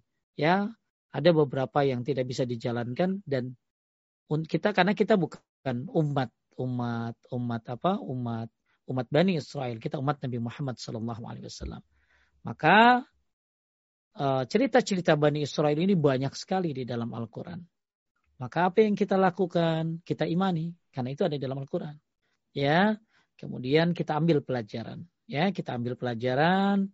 Mudah-mudahan kita, kalau yang baik kita bisa ambil kebaikannya. Kalau cerita yang jelek dari mereka, maka kita berlindung kepada Allah. Jangan sampai seperti mereka. Ya, ada yang dirubah jadi babi. Ya, naudzubillah min zalik. Ya. Nah, kemudian masalah ayat-ayat muntasyabihat. Ayat-ayat muntasyabihat ini, ya, kita tidak bisa tidak bisa eh, ya, cukup kita mengimaninya saja. Ya menghina ini saja dan kita percaya pasti ada ada. Karena hati-hati bermain-main dengan ayat-ayat mutasyabihat. Ya uh, maka kalau kita pengen tahu tentang ayat-ayat ini harus lihat penafsiran-penafsiran para ulama. Ya ulama-ulama yang memang di, dijelaskan ini ya seperti Ibnu Katsir, Syekh Nasir Syadi, Syekh Utsaimin ya banyak ulama-ulama ahli Imam Tabari ya ya, Al-Qurtubi banyak. Maka ber, uh, lihatlah bagaimana penafsiran-penafsirannya. Ya, ayat-ayat mutasyabihat ini ada di dalam Al-Qur'an ya dan kita imani ayat-ayat itu juga ya karena bagian daripada uh, dalam Al-Qur'an ya. Hanya Allah yang mengetahui sesungguhnya. Maka ulama-ulama banyak yang uh, banyak yang mengimani ya seperti alif lam mim misalnya ya Nggak ada yang bisa nafsirin ya. Apa artinya? Allah nggak nafsirin kok. Ya Allah nggak jelasin, Nabi juga nggak jelasin ya. Maka kita tidak usah mencari-cari. Jadi ada zikir Pak Rosid, Pak Zikir ini zikirnya begini. Jadi dia tuh zikirnya tuh ngumpulin ayat-ayat yang kayak gitu tuh alif lam mim, nun, toha, kaf, ha, ya, ain, sot. Semua huruf-huruf yang begitu dia kumpulin jadi zikir gitu loh. Nah, ini nggak ada tuntunannya kayak begitu ya. Ya gitu. Jadi ayat-ayat mutasyabihat itu ada, ayat-ayat eh, tentang Israeliat juga ada. Ya, kita imani semuanya. Kalau untuk ayat-ayat mutasyabihat kita eh, ayat-ayat Israeliat kita ambil pelajarannya ya dari mereka ayat-ayat mutasyabihat, maka hanya Allah yang tahu tentang masalah itu. Maka kalau kita pengen tahu lebih dalam, maka bukalah tafsir kitab-kitab tafsir supaya kita mengetahui bagaimana pendapat-pendapat para ahli tentang masalah itu. Ya, Allah a'lam. Uh, ini ada dua pertanyaan yang off topic uh, tauhid, tapi mungkin ada kebutuhannya untuk untuk ditanyakan Ustaz. Pertama, apakah anak hasil zina mendapatkan hak waris dari ibu kandungnya? Ya, jadi anak hasil zina tidak uh, anak hasil zina ini uh, adalah kesalahan dari orang tuanya ya, tapi ada efeknya buat anaknya. Dia tidak mendapatkan waris dari dari bapaknya ya tidak mendapatkan waris dari bapaknya. Ya. Nah, pertanyaan ibu ini mendapatkan waris dari siapa? Dari ibunya apa dari anaknya? Dari bapaknya? Kang? Kalau pertanyaannya mendapatkan waris dari bapaknya eh, tidak, ya, tidak. Tapi kalau dia mendapatkan waris dari uh, apa? dari ibunya, ya, nah, ini uh, saya tidak tidak tahu, ya, tidak tahu. Jadi yang saya tahu bahwa anak waris ini, karena anak waris itu kan, eh, anak zina ini kan di, dinisbatkan kepada ibunya, tidak kepada bapaknya. Ya, jadi binti ya, bukan uh, tidak jadi bin kalau laki-laki ya. Jadi diserahkan kepada kepada kepada apa nasabnya kepada ibunya. Nah, uh, kalau apa uh, kalau dinisbah uh, kalau masalah warisan ya tidak dapat dia dari siapa lagi? Dari dari dari bapaknya ya. Sebagaimana dalam sebuah riwayat disebutkan ya anak anak itu untuk keluarga ibunya yang masih ada ya dalam riwayat yang lain juga disebutkan Nabi SAW mengadakan uh, apa uh, mengingkari anak tersebut Nabi SAW memisahkan keduanya dan menasabkan anak tersebut kepada ibunya. Ibnu Qayyim rahimahullah ketika menjelaskan konsekuensi hukum dari sebuah uh, mula'ana antara seorang suami dengan istrinya menyatakan hukum keenam adalah keputusan nasab dari sisi sang bapak ya. Jadi intinya anak uh, anak zina ini tidak mendapatkan nasab dari dari dari bapaknya tapi dari ibunya ya. Kemudian Nah ini kalau untuk warisan tidak dapat dari bapak, ya tidak dapat dari bapak. Tapi apakah dapat dari ibu? Nah, itu wallahu alam. Saya harus lihat-lihat lagi. Mungkin bisa ditanya kepada ustadz yang ahli seperti Aminur Bait ya. Bagus dia banyak jawab-jawab masalah-masalah itu ya. Cuma kalau saya simpelkan begini. Ya, hukum waris anak zina dalam semua keadaan sama dengan hukum waris anak mula'anah karena nasab mereka sama-sama terputus dari bapak. Masalah hak waris bagi anak zina adalah bagian dari konsekuensi nasabnya. Satu, anak zina dengan laki-laki yang menzinai ibunya. Nah ini panjang sebenarnya ya. Anak zina dengan ibunya ada ada ada banyak macam masalah masalah uh, tentang masalah anak zina ini. Jadi uh, mungkin nanti di, di kalau mau jadiin PR buat saya ya atau ditanya kepada yang ahlinya ya yang ahlinya tentang masalah anak zina ini apakah dapat warisan dari ibunya kalau dari bapaknya tidak ya, ya wallahu alam Ustaz untuk ini kalau kalau anak itu has, apa dari krimin, tindakan kriminal perkosaan begitu gimana Ustaz? Apakah itu masuk dalam itu ya. uh, berarti anak yang yang dilahirkan karena karena diperkosa ya, Azbin. Ya. ya. berarti kan nah hukumnya itu yang saya nggak tahu ya, saya nggak tahu itu hukumnya kayak apa. Ya. Ah, mungkin harus dilihat lagi para syid ya. Uh, masalah agama nggak bisa nggak bisa katanya katanya. Ya, ya nanti kami catat ya, sebagai mungkin nanti dicatat aja. Kalau ini nanti ada saya jawab, saya harus cari-cari ilmu ini banyak banget ya, nggak semuanya saya tahu ya. Banyak hal-hal yang saya nggak tahu. Mudah-mudahan dimaafkan ya ibu-ibu ya, dimaafkan ya. Ini pertanyaan terakhir Ustaz uh, untuk ya. malam ini. Allah. Afwan Ustaz, ketika doa-doa di dalam semua sujud dan sebelum salam sudah dilakukan, terutama pada sholat tahajud, apakah masih perlu berdoa mengangkat tangan setelah salam dengan doa yang hampir sama? Karena hmm. semua doa-doa yang hafal sudah dimunajatkan ketika sholat. Manakah yang lebih utama berdoa di setiap sujud dan sebelum salam ataukah berdoa mengangkat tangan setelah salam ketika yang tahajud? Ya, ketika tahajud ya. Semuanya boleh ya. Semuanya boleh kalau lagi tahajud ya. Kalau hmm. tahajud nih boleh doa setiap sujud, boleh doa ketika sebelum salam, boleh doa setelah sholat karena setelah tahajud ya. Lain lagi kalau setelah sholat fardu. Kalau setelah sholat fardu itu yang paling bagus doa lagi sujud sama sebelum salam.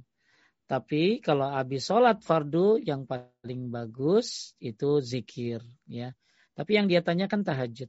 Ya, kalau lagi tahajud semuanya boleh berdoa. Ya boleh berdoa. Karena berdoa lagi sujud ada keutamaannya. Ya saat terdekat seorang hamba dengan Allah. Akrabu mayakunul abdu min rabbi fawasajid kemudian doa sebelum salam juga ada keutamaannya. Nah doa sesudah salam habis tahajud pun ada keutamaannya. Di waktu yang utama yaitu karena Allah turun sepertiga malam ya maka dia uh, menjawab orang yang meminta ampun ya orang yang meminta apa pun ya maka di, bagus untuk berdoa di sepertiga malam. Jadi kalau ibu pertanyaannya bagusan mana, semuanya bagus, ya semuanya bagus itu. Kalau bisa kerjain aja semuanya. Doanya lagi sujud, lagi tahajud tuh, lagi tahajud juga sebelum salam banyakin doa. Pas habis tahajud masih ada waktu, banyakin doa lagi, ya itu semuanya dibolehkan, ya semuanya karena bertanyanya tahajud. Tapi kalau sholat biasa, sholat wajib, maka lagi sujud, lagi di sebelum salam itu lebih baik. Ya, kalau habis sal, habis sholat wajib, salam langsung zikir aja yang bagus. Ya. Baik, baik. Uh, mungkin pertanyaan-pertanyaan sudah selesai, sudah habis, uh, Ustaz. Ya, Alhamdulillah. Masih berapa orang? Masih oh, ada masih yang 70-an orang. udah pada kabur ya. Udah malam. Ya, udah malam ya. Jam berapa di sana, Pak? Di sini jam 16.26. 16.26. Udah asar tapi? Belum. Asar masuk jam setengah enam sore, Ustaz. Oh, Masya Allah. summer, mas, uh, musim panas. Jadi uh, maghrib masuk jam 9.30 kurang lebih. Malam. Uh, malam? Ya, Isya masuk jam 10.30 kurang lebih, lalu uh, subuh jam 2.30 kurang lebih. Jadi kita pendek sekali antara Isya dan subuh. Oh, jadi subuhnya jam 2? Jam 2.30 kurang lebih, Ustaz. Ya, ada ya. sekitar 10 menit ke atas ke bawah lah kurang lebih. Isanya jam 10-an gitu ya? 10.30. Berarti ya. cuma waktu 4 jam ya? Iya, jadi kita memang uh, untuk sholat subuh biasanya agak agak sulit untuk tidur lagi. Jadi kita tunggu setelah sholat subuh baru tidur gitu. Nah, itu jam berapa? Uh, sampai jam berapa kalau kalau nah, siangnya tuh jam berapa? Masuk kantor jam berapa? Kalau kantor biasa jam 9, sore 9 pagi. Oh, jam 9. Berarti masih ada waktu 3, 4, 5, 6, 7, 8, 9 ya. Ya sama aja sih ya. Ya. Ya. Bisa tidurnya berarti habis subuh setelah terbit. Itu terbit matahari jam berapa berarti? Kurang lebih jam 4 40-an Ustaz. Oh iya iya, tapi masya Allah ya. Ya waktu yang berbeda, tapi kesamaan dalam akidah insya Allah. Ya. Cukup Baik. akhir, maka insya Allah. Alhamdulillah. Baik, Bapak Ibu sekalian menaikkan Allah, uh, kita sudah selesaikan ayat kedua dari bab satu tentang An-Nahl ayat 36 Semoga Bapak Ibu dimudahkan untuk mengerti apa yang disampaikan tadi tentang Rasul, ya, tentang umat, tentang para nabi, uh, kemudian tentang para nabi itu mengajak mentauhidkan Allah dan tentang togut. Kemudian hati-hati dari godaan setan yang jumlahnya tujuh tadi. Semua sudah saya share ke Mbak Feby. Silakan di kalau mau apa hasil yang tadi saya sampaikan bisa dilihat dari beliau Semoga bermanfaat. Saya mohon maaf kalau ada pertanyaan yang tidak bisa komplit saya jawab uh, karena terlalu sempit ilmu saya, sedikit ilmu saya. Saya mohon maaf. Kita tutup dengan doa kifaratul majlis. Subhanaka Allahumma wa bihamdika asyhadu an la ilaha illa anta astaghfiruka wa atubu ilaik. Assalamualaikum warahmatullahi wabarakatuh. Waalaikumsalam warahmatullahi wabarakatuh. Alhamdulillahirabbil alamin. Jazakallahu khair Ustaz. Terima kasih atas waktu dan ilmunya. Semoga kajian-kajian ini bermanfaat buat kita semua dan bagi para peserta untuk menyimak kembali kajian kali ini dan kajian-kajian sebelumnya silahkan dikunjungi YouTube kami di channel Paduka underscore UK. Terutamanya kami mohon maaf terutama untuk eh, kepada Ustadz atas segala kesalahan dan kekurangan dari kami. Eh, insya Allah lain kali menjadi lebih baik juga bagi para peserta. Barakallahu fikum. Wabillahi taufiq wal hidayah. Wassalamualaikum warahmatullahi wabarakatuh. Waalaikumsalam. Waalaikumsalam. Duluan, Kak.